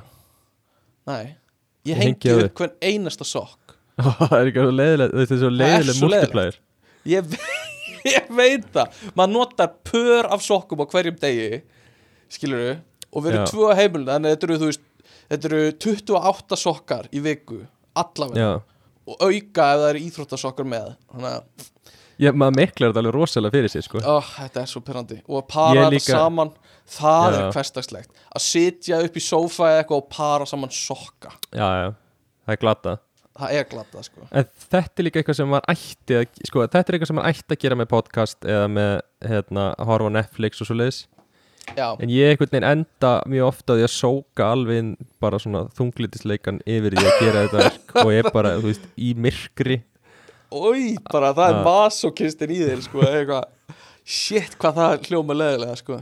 Já, ég vil finna bara fyrir finna fyrir sársökunum Já, já, ég hérna eh, ég verð í öllum svona heimilistörum að hafa eitthvað til að hlusta á sko. og, og hérna, ég bara verð. Ég bara Já. þrá, ég bara verð. Um, Nei, og, og hérna já, þetta þvóttadót mér finnst þetta allt í lægi nema að para sokka, mér finnst það alveg glata Já, og, og mér finnst líka alveg glata þegar ég set í vél og fer í tölvuna og klukkan er orðin tvö eða eitthvað og ég hugsa, ok, nú er ég orðin þreyttur, ég ætla að fara að sofa. Svo fatta ég oh, já, Ó, það er svo glata. það Og- er alveg glata og ég er bara með stýrurnar í augunum bara, ah, ég þarf að taka úr vélni annars miklar og morgna fötin. Og mannst líka að það var svo mikið að sokkum í vélinu þú svo mikið af fucking sokkum. Eitthvað svona, það er alveg bara worst þá yfirleitt hérna uh, þá tek ég á hendi yfirleitt bara í tunnuna sko, og kaupi nýtt. Og segi Kristín ekki frá því. Uh, og síðasta sem ég var með er að horfa á sjónvarpið á kvöldin með sætu sætu eða verið í tölvunni að chilla magnilla. Já, Mhm. það er næs það er næs og svo fer ég heim til Kristínu að gera eitthvað. Um, en hérna, nei, Ó, tjók Ég held einhvern veginn í smá stund og ætlar að vera alveg einlagur í gegn. Æ, ég, já, sorry, ég tek þetta bara, ég ætla að kvæta þetta út Nei, Ok. ég, ætla, ég ætla ekki að kvæta þetta út uh, Hérna, nei, já, að vera ég og Kristína að chilla saman upp í, upp í sofa finnst mér mjög næst líka. Mér finnst reyndar alveg glata hvað hún horfur og lélega þætti, sko. Ég get það ekki. Ég bara sver. Ég bara, ég get ekki hort á sumt drasli sem hún horfur á. Hvað er hún að horfa núna? Love is blind Ah, Það er- alveg frábært það er þáttur. svo erfitt fyrir mig ég sit hana legg og, og hérna og bara búið með 20 mínútur nei, já, hún var að horfa á Kardashians á Disney Plus um Mm. daginn sem eru nýju Já. hana Keeping Up with the Kardashians þættinir og mér bara verkjaði þetta var svo leðilegt sko. ég var bara, þetta Aha, er svo leðilegt ég, ég gaf ég, er búin, ég gef þessu alltaf sjens og mér finnst þetta alltaf jafn ógeðslega erfitt. Já, sorry. Nei, nei ég, ég minna að það er bara fínt. Ég meina, þetta er örgulega bara eins og uh, já, þú að að, hérna að lesa Nietzsche eða eitthvað hérna. Nei, tjók, tjók Ég veit ekki, veit ég hvað ég er að segja? Hérna, sorry, tek þetta allt tilbaka. Um, Sko, hvað eh, finnst þér vera hægt að gera til að brjóta upp hversdagsleikan? Uh, Mér finnst sko íþróttir rosalega góð leið, leið til að brjóta upp hverstasleika Já, mér finnst það líka og að því, sko að því að líka það sem er gott við það er að þú getur haldið sko rútínu en samt mm brotið upp hverstasleikan mm -hmm. og þú veist, Mhm. ef þú ert að gera samt íþróttirna skilur, þú veist eins og ræktin, ef þú ert að Mhm. gera hana eiginlega alltaf, þá verður hún Mhm. á einhverjum tímapunkti hverstasleiki Já, já. Mér Þú finnst gott eins og í því að setja markmið. Þá ertu að stefna á eitthvað og eins og í rektinni getur e, þú veist, í kraftletingu getur stemt á, þú veist, einhverja þyngd eða eitthvað móti Mm. eitthvað svona. Þá ertu með eitthvað svona þú veist, þá er þetta ekki bara að fara til að fara. Þá ertu með eitthvað, skilur sem þú ert að stefna á og eitthvað já. markmið. Uh, og þú ert að sjá bætingar eða, eða eitthvað svona bla um, og líka sérstaklega þetta er eitthvað sem er alveg allt annað einhvern veginn. Mm, mm, svona að þú finnur eitthvað sem get, þú get, tíminn getur farið í þetta. Þetta er svona skilislust bara tími fyrir sjálfa þig. Já, já, einmitt. Þetta er bara þú með eitthvað markmið. Já, það er ekkert að gera með vinnuna eða já, vinnina Einmitt. eða eitthvað. Já, einmitt algjörlega og hérna ef þú finnur eitthvað sem þið finnst bara næs að gera sem er svona smá trít fyrir þig eða þið finnst bara ógeðslega gaman að gera mér finnst til dæmis ógeðslega gaman að fara á að spinna á spunaæfingar uh, það brýtur rosalega mikið upp vikuna hjá mér mér finnst ógeðslega gaman og hérna já að fara í rektina finnst mér líka bara mér finnst það viðbjörslega gaman sko Mhm. að, hérna, að, og þú veist þegar það eru hérna, þegar það eru axlapressu dagur þá bara, ég hlakka til Ah, á rektina, sko. Er gaman, tengi ég við það. Sko. er svo gaman sko. Og hérna, nei, en mér dætt í hug til að brjóta upp uh, ég er búin að vera að hugsa um hennan Nietzsche brandara sem ég sagði um þig og ég hlóa hann um sjálfur. Ég ætla bara að fá að draga hann tilbaka. Finnst það ógíslega leðilegu brandari. Uh, ég bara, bara sé eftir Nei, nei, það er ekki að hérna- fela þið bak við Nietzsche. Fyrirgæðu bara, þetta er ekkert eins og ég, að horfa á raunveruleika þetta er ekkert eins og þú sérst að lesa Nietzsche. Nei, nei, ég bara, mér finnst það ógíslega leðilegu brandari. Ég dreif hann tilbaka, ég hefði ekki átt að hlæja. Um, allavega uh, fyrir tilbaka, já. Til að brjóta upp hverstasleikan fara í helgaferðir eða dagsferðir. Mm, það getur verið næs. Að þú veist, þá ertu ekki alltaf bara heima hjá þér eða eitthvað svona, þá getur farið eitthvað út og ég og Kristjana keir, förum ofta að rúnta. þú veist, rúnta eitthvað á Suðurlandi eða, eða hérna þingvelli eða eitthvað, það er mjög næs mm. og hérna bara Það- gera það. Það er líka að maður á einn, þú veist, ef þú tekur dagsferði eitthvað svo leiðis mm þá líður einhvern veginn eins og helgin hafi verið eitthvað löng. Já, það er ótrúlega leiðilt þú átt helgi og þú upplifir hana einhvern veginn með að þú, einhvern veginn hún bara blandaðist þú veist, þetta var bara, Já. ég var ekki að vinna en þetta var alveg stagur algjörlega. Og það er bara held ég af því að ef þú, gerir ekkert til tilbreytingar skilur, þá mótar ekki þessar nýju minningar í haustum á þér skilur, og fyllir af einhverju. Af því að það blandast einhvern veginn allt saman. Þú manst ekkert munin á síðasta þriðudegi og síðasta miðgudegi að þú gerði bara mjög svipaða hluti. Þannig að þetta einhvern veginn svona klumpast saman í haustum á þér og þjappast saman. En ef þú gerir eitthvað öðruvísi þá byrjar að móta aðrar minningar skilur þá getur heilegin í stað fyrir að stitta einhvern veginn að hérna stitta sér leið þá þarf hann að búa til heila nýja minningu um eitthvað nýtt sem var að gerast.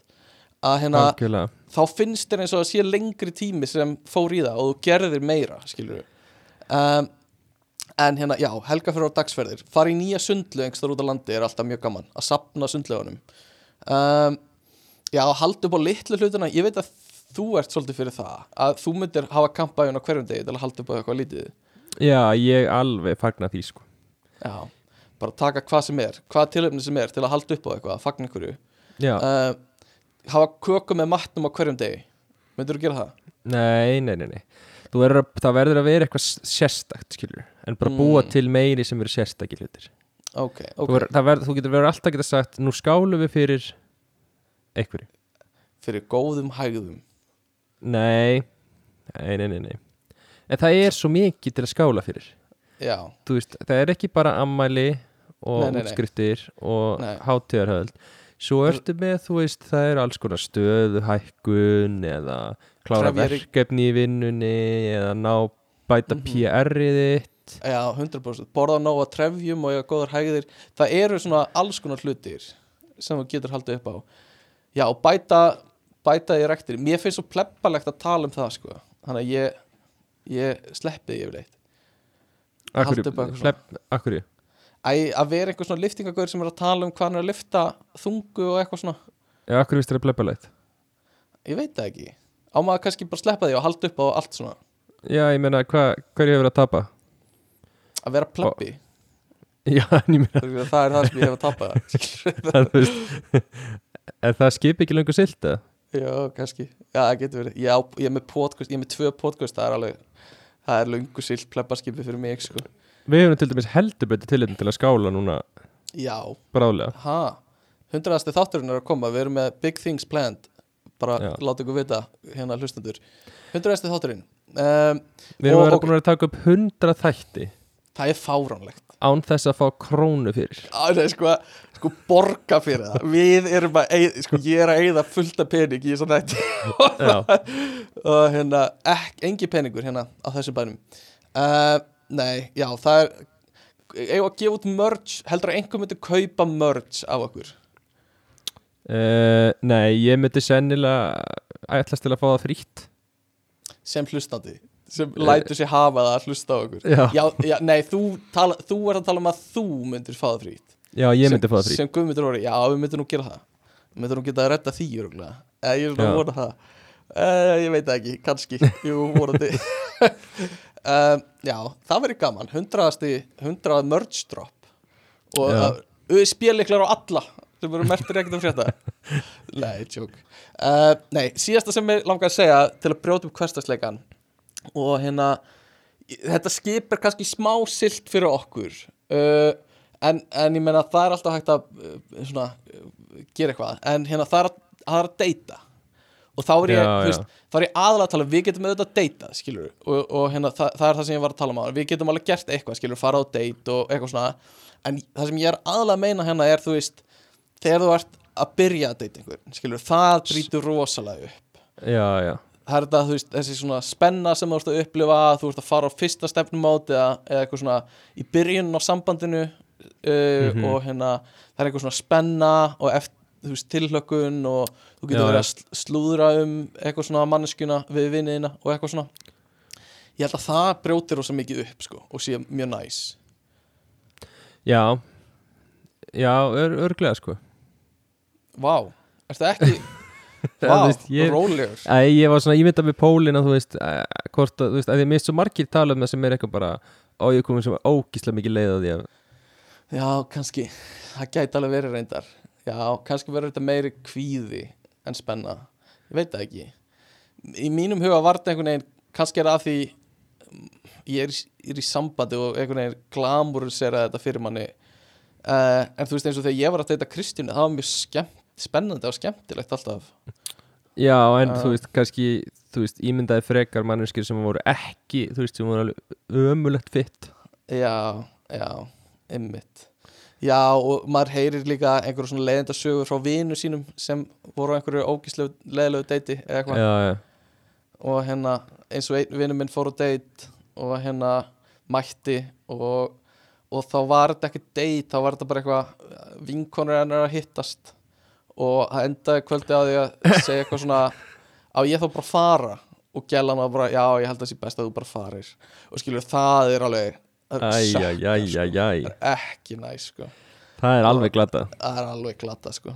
Og hérna, já, að ég veit ekki ég held að kannski þetta væri skemmtilegt. Ef þú verður að spyrja spurninguna á ég þá bara að fara? Þá sennilega var þetta ekki mjög gott eitt Nei, sennilega ekki. Uh, Sennilega ekki. Uh, En ef þú þarft að spyrja á ég að koma? Þá er það mjög gott einn um, Allavega. Já, Þannig að Hvað? já, Já, ok. Uh, Ég tók saman nokkru hluti bara svona aðeins í lokin uh, um eitthvað sem ég finnst næs í hverstasleikunum Þú veist, eitthvað sem ég fæ Þú veist, mér finnst næs að gera sem eru hverstasleik hlutir. Já, Þannig að þetta er ekki eitthvað svona fara í nutt endilega eða eitthvað svona sem, sem er svona maður gerir ekki endilega oft. Þetta er Mhm. eitthvað svona venjulegi hluti sem ég finnst næs. Og þú mátt stökkva inn í að þetta er eitthvað í hug sem þér finnst, sem þér finnst næs. Um, en hérna uh, já eins og við vorum að tala um á hana í sund og ræktina. Þú veist það er bara eitthvað sem, Mhm. sem mann finnst mjög næs. Um, að hérna þegar kemur ný sjónvaserja sem þú ert búin að vera að býða eftir og, og hérna og þú fara að setjast niður og setja fyrsta þáttin í gang. Já, veist, þetta, er eitthvað, þetta, er, þetta er eitthvað svona þú veist það er að koma serja 2 af uppáhalds þáttunauðinum eða eitthvað svona. Mm, það er mjög næst, þú farið eitthvað svona já, góð, góða tilfinningu. Um, ég var með hérna uh, þegar þú ert að taka pítsu heim áður en þú borðar hana. Já, já, ég tengi við Þú það. af því þú veist, eftir þú borða pítsu og eiginlega meðan, þá líður þér ekkert endilega við, þú veist eins og Dominos pizza, manni líður bara illa eftir að hafa borðað Dominos pítsu, sko. En, en þú veist, þegar einhvern veginn lyktin svona fyllir bílinn þinn eða, eða meðan þú ert að labba með pítsuna og þú veist ert eftir að borða hana alla, það er mjög næs. Já, já, já. Ég Og, sammála því. uh, Þetta er eitthvað sem þú tengir örgulega við að drekka fyrsta kaffibotla dagsins. Já, og fyrsti svopin á góðu kaffi. Já, eða svona allavega ekki vondu kaffi. Það er mjög næs. Uh, taka axlapressu í rektinni alveg mitt favorite Axl, axlapressan sko. Uh, þegar nýr þáttur á uppáhalds podcastinu kemur og það er einhver áhugaverður titill á því. Já þú sér- alveg í því að já, þú svona sér það og þú sér það er að tala um þú veist, hverstagsleika eða eitthvað. Og þú bara, vá, mér lágur svo mikið að heyra hverstagsleika þáttinn og það. Hérna, eða eitthvað svona að hérna að, að- já, þú- já, mér finnst það mjög næst tilfinning þegar þú svona sér það oft eftir heilan þátt að einhverju mjög næst podcasti uh, þetta hljómar, þetta er svolítið líkt þegar við vorum með næst þáttinn Já, já, en þetta er ekki þetta er kannski finnst okkur bara hverstasleiki næs Já, það getur verið. Þetta er aðeins öðruvísi að því þetta er, þú veist, venjulegu hlutinir. En, þú veist, ég held ég að hafa sagt þetta í næstættinum er fara upp í rúm, í hreinum, í hrein rúmföt þegar þú ert nýbúin í sturtu. mm, Mjög næs Það er svona, það er eitthvað svona hversdagslegt en, en mjög næs. Við Uh, þurfum alltaf næs að fyrir brúm já, það. Já, finnst þér ekkert sem hann ekki næs Uh, þegar ég veikur og, og svona veit að ég þarf að fara upp í rúm að gera ekkert. eitthvað Já, svona. já og þú ert eiginlega bara búin að vera upp í rúmi kannski þá uh, en mér finnst oft næs að vera upp í rúmi sko. ég chilla oft upp í rúmi mér finnst það mjög cozy með tölvuna á bumbunni ég set svona kotta ég set kotta ón á bumbuna þannig ég er með svona tvöðfalda bumbu og svo set ég tölvuna ón á það og svona ligg svona í einhverju svona T-rex stöðu. Mjög ergonomisk stelling. Mjög ergonomist stelling. Og í COVID vann ég oft upp í rúmi þannig. Ég Ah. get það ekki sko. Nei. Þú ert þú of healthy með of healthy body. Nei. Ég bara, ég lendi í þessu þessu tala um þegar maður liggur á lengi í rúmi Svo kemur tíma út og svo ert bara það er bara ágið af öllu við að vera í rúmi Reyndar. Einhvern veginn verður of heitt og þú veist Mm. Svo er einhvern veginn hægt að vera þægilegt að þú finnur ekki lengur stellingu sem er næs að ligga í og... já, já, já, einmitt reyndar. Um, já, þannig að maður það kannski spara smá rúmið sko, til að það sé ekstra næs. Uh, næsta sem ég veit að þú tengi við er að opna sendingu sem þú pantar á netinu uh, og hérna Amazon pakka eitthvað og þú ert alltaf, "Ah, hvað ætli þetta sé? En þú veist alveg hvað þetta er, skilur það er alltaf, Já, já Það er smá pakka, pakka alltaf. Já, það er alltaf smá pakka effekt þó, þó að þetta sé líka bara eitthvað svona snúrur fyrir eitthvað drátt sem þú varst að kaupa og þú bara, mmm, pakki, ég ætla að opna hann." Já, já. Eitthvað svona, mm, nammi nam eitthvað, það er alltaf næs. Uh, og opna bara svona umbúðir finnst mér líka oft mjög næs. Svona satisfying að svona taka, opna og svo takar alveg hreina nýjan hlut. Um, uh, elda uppi norðurljósin og stjörnunar og skoða finnst mér líka mjög næs. Gerum Eh, það? Já, við Kristjana hefum gert það allan að tvisa núna nýlega, það var mjög næs. Fara aðeins út fyrir bæinn og, og hérna skoða norðurljósin. Það er, það, það brýtur upp ha? Mjög, já, mjög romantist hverstaslega hlutur sem er hérna, eh, sem ég elska að gera er líka þegar þú lendir á mörgum grænum ljósum í röð. Já, já, já að þú ert að keira og, og hérna er það búist við að, að þetta takir langan tíma og svo bara einhvern veginn lænar allt upp fyrir þig. Bara alheimurinn opnast og þú sérð bara tíma og rúm falla saman í eitt og þú svífur áfram í gegnum öll grænu ljósin. Það finnst mér næs. Og hérna, það, það er svona gefur manni ákveðið bústinn í daginn. Um, ok. Vera með gott mönns og vita nákvæmlega hvað það ætlar að horfa á. Þú er búin að kaupa þrjá Já, já. kekspakka og ert með tvo lítra mjólk á kantinum og Já. opnar fyrsta kekspakkan um leið og dun dun Netflix logoið fyrir á skjáin og þú bara ah Ég er þetta með, með þetta sko, ég get ekki ég, ég get aldrei byrjað að borða fyrir en að ég er búinn að, velja Já, þú veist, ég þarf að vera búinn að velja og einhvern veginn, það þarf alltaf að vera einar seilingar, ég þarf svona Já. alveg að hrí- þú veist, í kringum mig þarf að vera einhvern veginn síminn og Já. þú veist, mögulega hlæðslutæki og tölva bara ef ég þarf að detti í það og þú veist, allt sem ég ætla að drekka veist, sko, innan seilingar finnst mér alveg svona líkil frasi í þessu. Það þarf Já, alltaf að vera innan handaradjusins sem þú getur náði sko. pikkað upp síman já, og ef hann er að vera batterislaus það er ekkert betra heldur en að vera bara tilbúið með snúruna skilur já. Ó. Vinnur okkar, hann var nú með gott ráð við þess að hann var bara með snúru sem var í alveg bara svona 5,5 Fimm metr ég veit það. Hann gæti bara lappað um allt í herbygginu og bara, það er ekkert mál sko ég er bara, ég get verið að hlaða hvað sem er. Já, það, er bachelor move. Það, það er bachelor move, Ég vissum hann gera það ekki lengur. Nei, sennilega ekki sko hérna, Nei, nei, hann er komin á fast. Uh, Hérna uh, Þegar ég teka með brjóstahaldaran eftir langa dag finnst mér líka mjög næs. Og hérna eftir þunga æfingu og leifi svona bara brjóstunum að lafa niður það Já. getur verið mjög erfitt. Og þegar ég er í push-up á einhverjum fundi og ég finn svona vírin stingast í mig undir brjóstinu. Ah, Já, láttu mig það og kaupa bara svona einhverja ódýra brjóstahaldara sem bara svona ripna mjög oft þannig að þú veist, þú byrja að stingast. Í staðan fyrir að eyða bara pening og alvöru pening í það að fara og kaupa alvöru brjóstahaldara eins og núna. Ef ég fer í hagkaup í FOF og að kaupa Já, já. brjóstahaldara skilur, já. þá eiga þau bara ekki til í minni stærð. Þannig að það er bylting þegar þú færð einhver sem kann þetta til að mæla fyrir þér nákvæmlega. Þannig að þú vitir nákvæmlega hvaða brjóstahaldar þú eigir að kaupa og vírin slitnar ekki. Þannig að þú getur tekið hann að þér þegar þú kemur heim á kvöldun og það er engin vír eða nuttsár undir fokkin brjóstunniðinum sem er að íta í þig eða pyrra þig meðan þú ert að halda fyrirlestur í vinnunniðinni þannig að einhver getur séð og einhver sér þegar ég er að laga brjóstahaldara minn er líka bara fokkin pyrrandi Vá, Þú varst búin að vara með við að það væri annar rand á leiðinni. Ég Sorry. bjóst ekki alveg við því þarna. Nei, sorry, sorry. Um, Þetta er bara hjartansmál fyrir fólk sem með svona eh, sem eru svona barmgóðir eins og ég. Að hérna og líka bara vont í bakið að vera með svona stóran brjó, svona brjósthól og hvið, hvið einhvern, nei hérna brjóstkvið hvið, brjóst, Brjóst. brjóst hvið, brjó, hérna stóra bobbinga eins og við segjum. Um, ú, þetta var slæmt. Þetta var ekki orð þetta var ekki orð sem ég held upp á. Þetta er ógíslega leðilegt orð. Uh, Shit. Heldum áfram? Nenni þú að segja þetta orð. Vil okkar að heyra einhvern annar segja þetta. Ég, Nenni að bara, segja. ég vil þetta lifi í minningunum minni sem orð sem bara þú segir Nenni að gerðu það Nenni að segja þetta orð. Nei, Ok, ég ætla einhvern síðan nægir uh, tvö, tvö í viðbót um, Finna svona sumarlykt Fyrstu sumarlyktin á vorin Þegar maður lappar úti. Hérna er þriði júli á Íslandi. Já, já, ein, einhvern tímann einhvern tímann svona byrjun ágúst þegar fyrsta sumri kemur.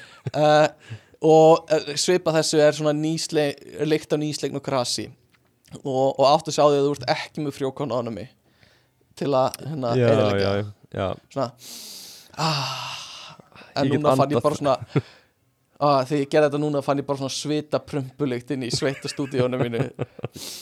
Já, nei, hérna þegar maður gerir þetta og það er svona ný sumar vorulykt sko, mér finnst það geggjað.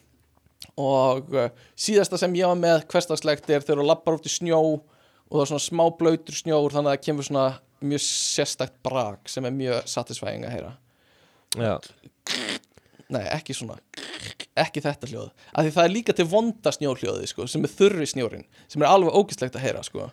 já en, en, ég er að tala svona góður snjóboltasnjór. Já, góður snjóboltasnjór. Þegar þú stígur í hann Þá er svona, svona eitthvað svona svona, svona dýp, dýbra næs hljóð sko. Ég líka elska smá sko þegar ég er að fara að keira eitthvað og þú veist, þú ert búin að skafa ógstlega mikið snjór, svo er ógstlega næs þú veist, þegar bíllinn er orðin svolítið hlýr. Mm -hmm, mm -hmm, Ég sakna þess alltaf frá því því ég var að keira úr hafna fyrir það. Þú veist, þá hafður tíma í það, einhvern veginn setjast inn í bíl og fyrst eitthvað svona, úf, kallt og eitthvað svona hlýnar hægt og rólega, Já, svo að tímabútur sem varst ennþá í snjónum, já, varst að hlusta á einhvern útastátt mm og það var hlýtt í bílniðin já Mjög næs. Þess, ég saknaði því ég fótið Reykjavík og þarna þú fórst inn í bílinn það var kallt svo var eiginlega bara ennþá kallt bara þegar þú varst komin á leðarenda. Já, algjörlega sko. Það er eitthvað kósi við að vera í hita þegar það er kallt úti sko. Já, það er 100% sko. Þannig að, að, að það er líka mjög næs sko. Og maður öfendar svolítið fólk sem sko hérna er með svona ramagsbíla eða bíla svona nýja bíla sem þú getur kveikt á bara með appi og príhita á að koma út. Já, þurfum já, ekki að díla við allt þetta skaf og hérna og kulda vesen. Já Þetta er svolítið óumhverfisvænt með bensínbílana sko með bensinbíluna en á ramagsbílunum er þetta bara allt í góðu sko. Í, held ég, í mínum huga. Að Já. gera þetta. Hmm. ok, ok, þetta var svona síðast ég með. Viltu bæta ykkur við þetta? uh, Mér finnst geðið þegar vond veður úti að vera inn hjá mér. Já, það er líka mjög næst sko. Og ég vil heyra, þú veist, alveg slag veðri á glukkonum og rigninguna og allt Mhm. svoleiðist, þú veist, ég bara það er bara, þá er kósi sko. Já, það er Eh, kósi Mér finnst líka eitthvað sem ég fengi þetta úti en gengur ekki alveg upp á Íslandi.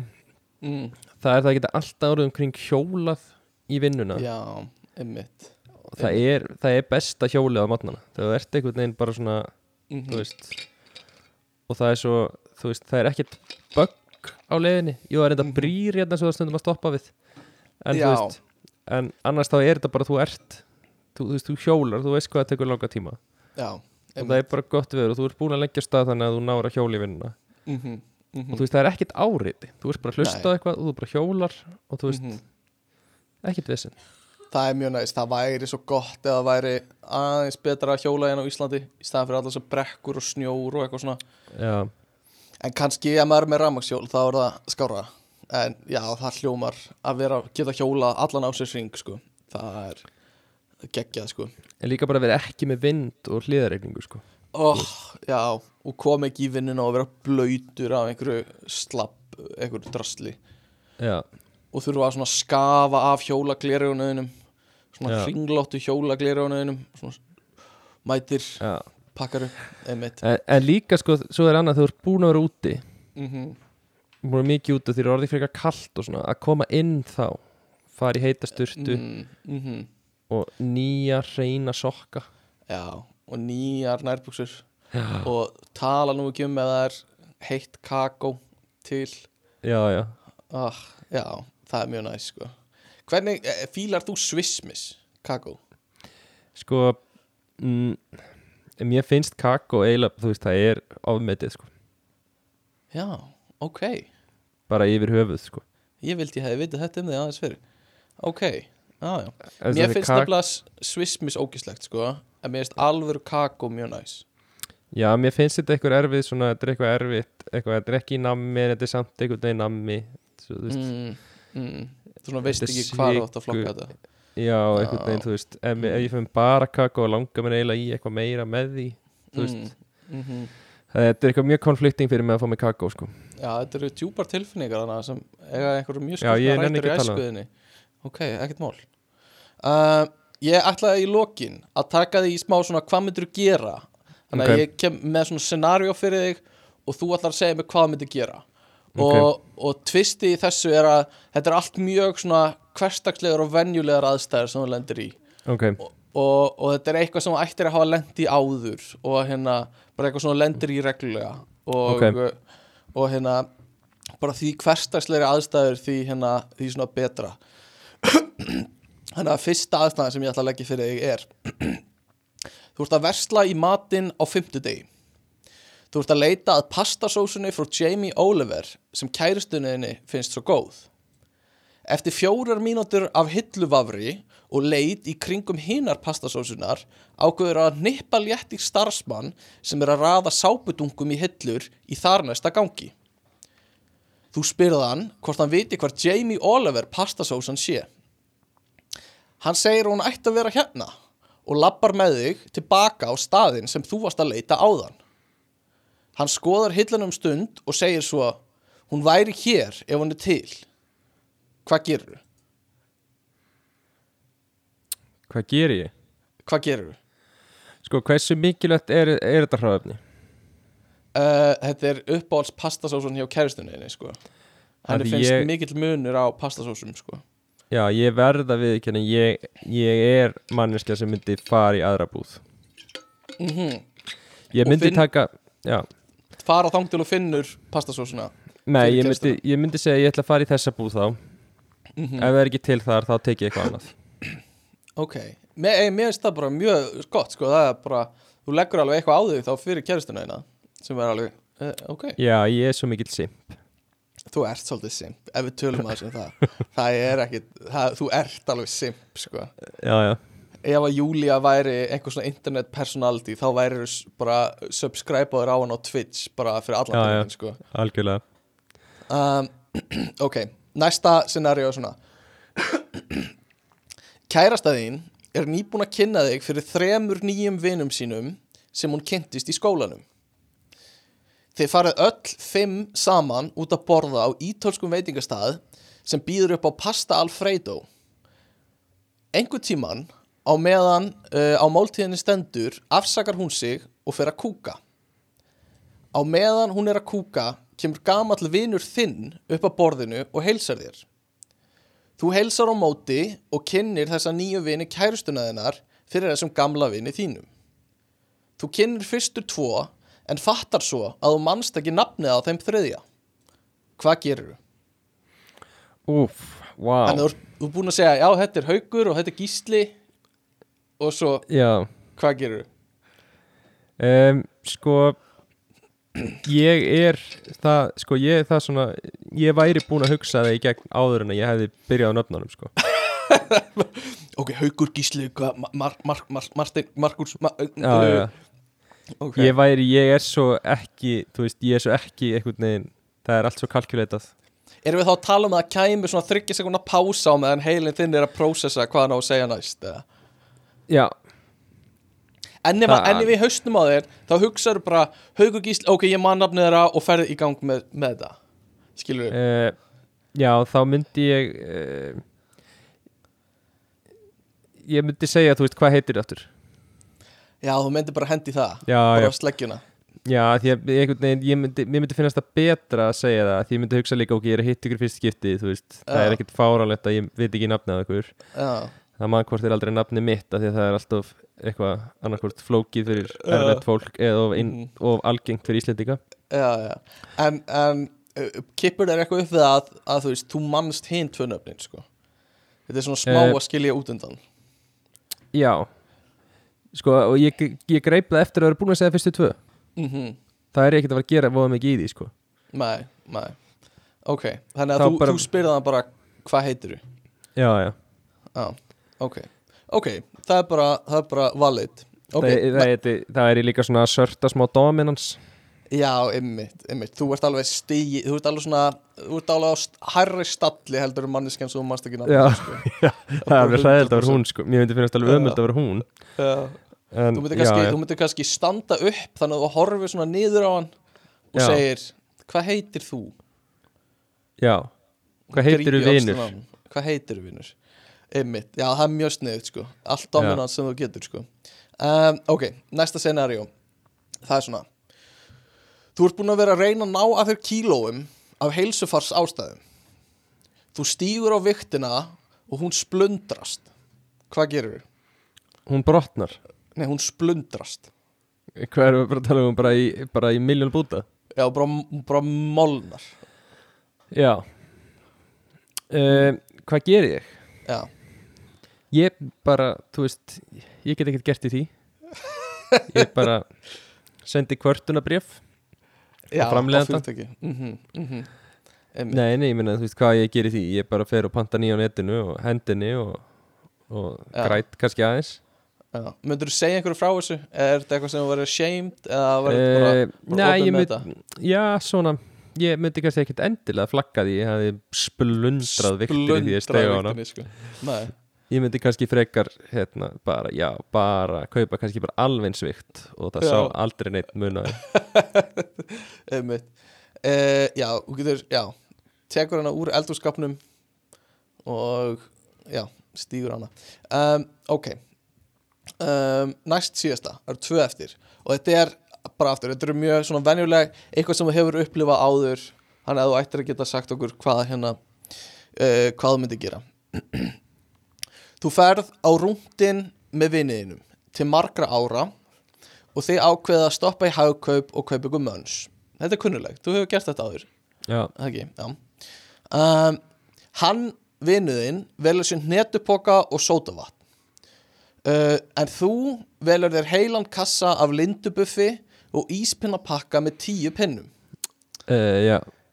Uh, hérna, Þegar þeir eru komnir aftur út í bíl og keirað að stað þá byrja að spjalla um erfið mál sem vinurinn er að díla við í persónulega lífinu sinu Sambandslit og andlát í fjölskyldunni.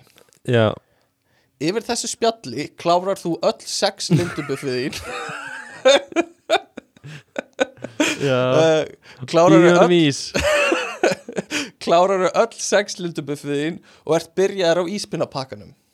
Milli ekkasogana spyr vinnur þinn hvort hann megi fá einn íspinna til að láta sér líða aðeins betur. Þú segir nei. Eftir nokkrar mínútur spyr hann aftur hvort hann megi fá einn íspinna. Hvað gerir þú?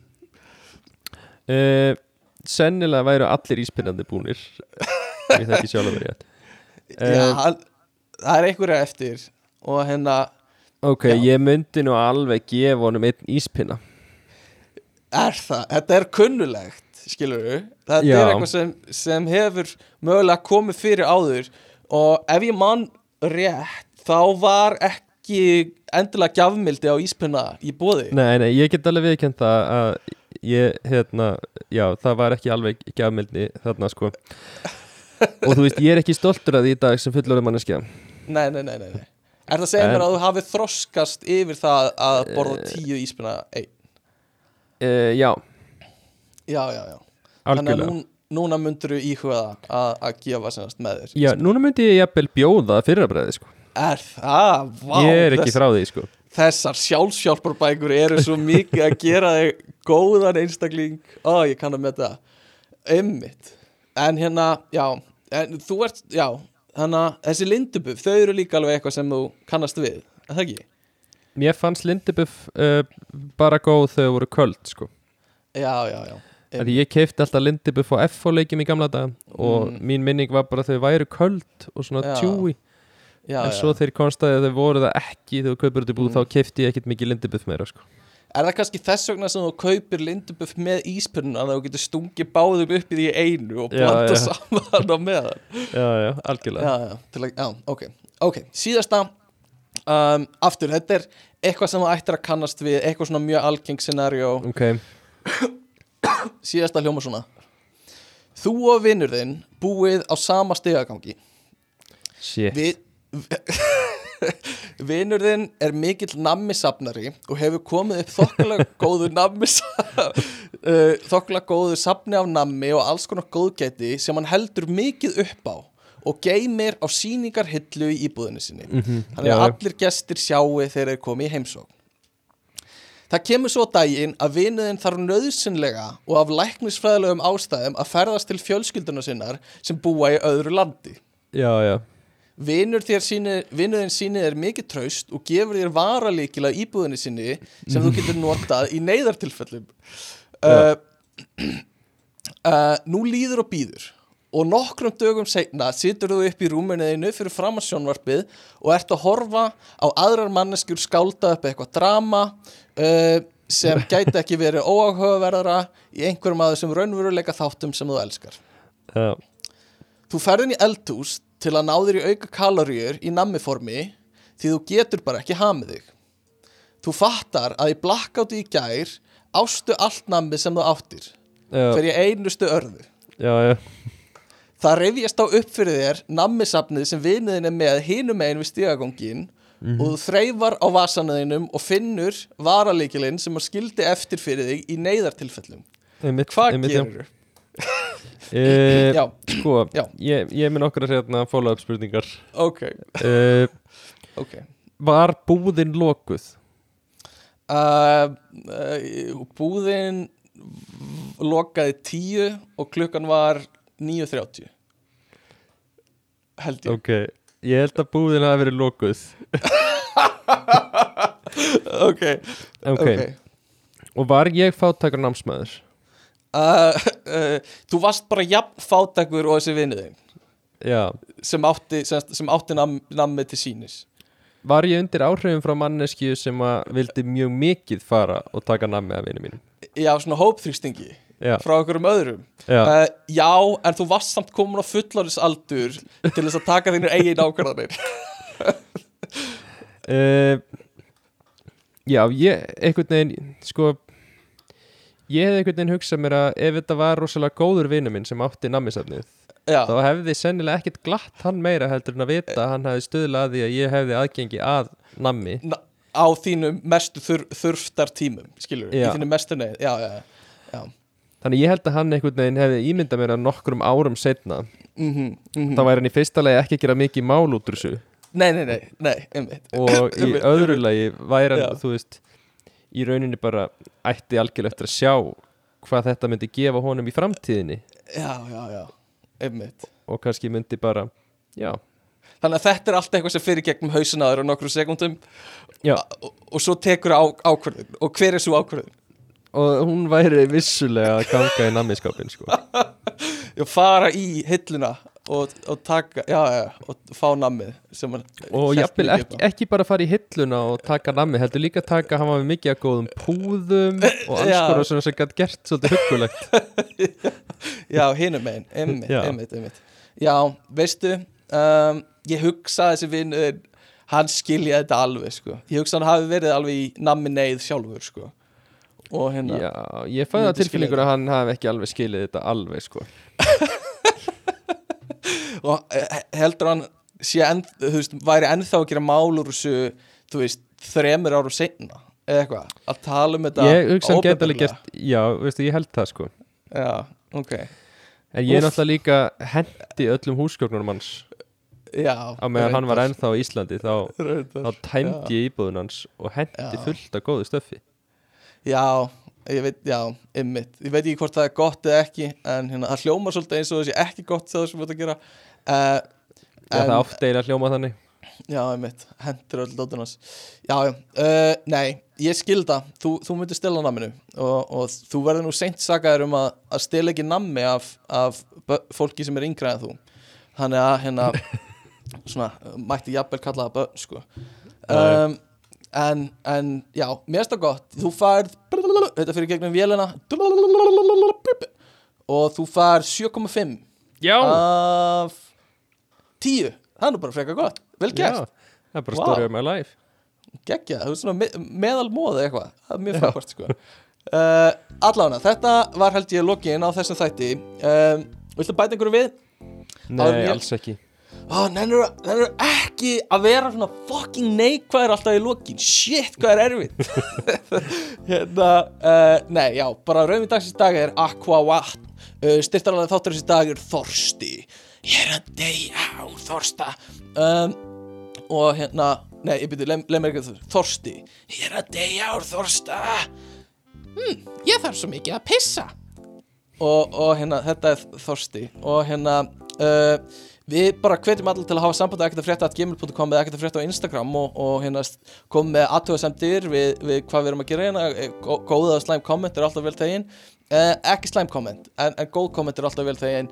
Uh, Lygar. uppástungur, lígar, líka frábærar uh, uppástungur á umræðefnum um, og bara hérna tjekka á okkur. Uh, ég hérna ein pæling. Ég held að sé svolítið hérna það segja allir podcastarar að maður eiga að læka á Apple Podcast eða Spotify að það hjálpi podcastinu. Já, já, ok. Þannig að það getur verið næs ef þau eru til í að gefa okkur uh, stjörnu einhvern, fimm stjörnur fyrir að hlusta á þáttinn. Ah, erum við þess verið, jú, gera það. Það verður mjög gaman og hérna Læka okkur, já, og, og senda á stjarnaði githubið okkar. Já, stjarnar git githubið okkar og follow okkur á github. Og hérna uh, og það verður mjög gaman að þau myndir senda einhverju vinningar uh, upp á stungu að hlusta á þáttinn Sendið 35 bestu vinum ykkar. Annars degið því annars, uh, ef þið sendið þenna, þetta podcast ekki áfram þá innan sjö daga mun einhver koma heim til ykkar og drepa ykkur. Um, já, þannig að það eru heldur bara góð loka orð Já, já. Þannig að við segjum bara takk í dag. Bye. Bye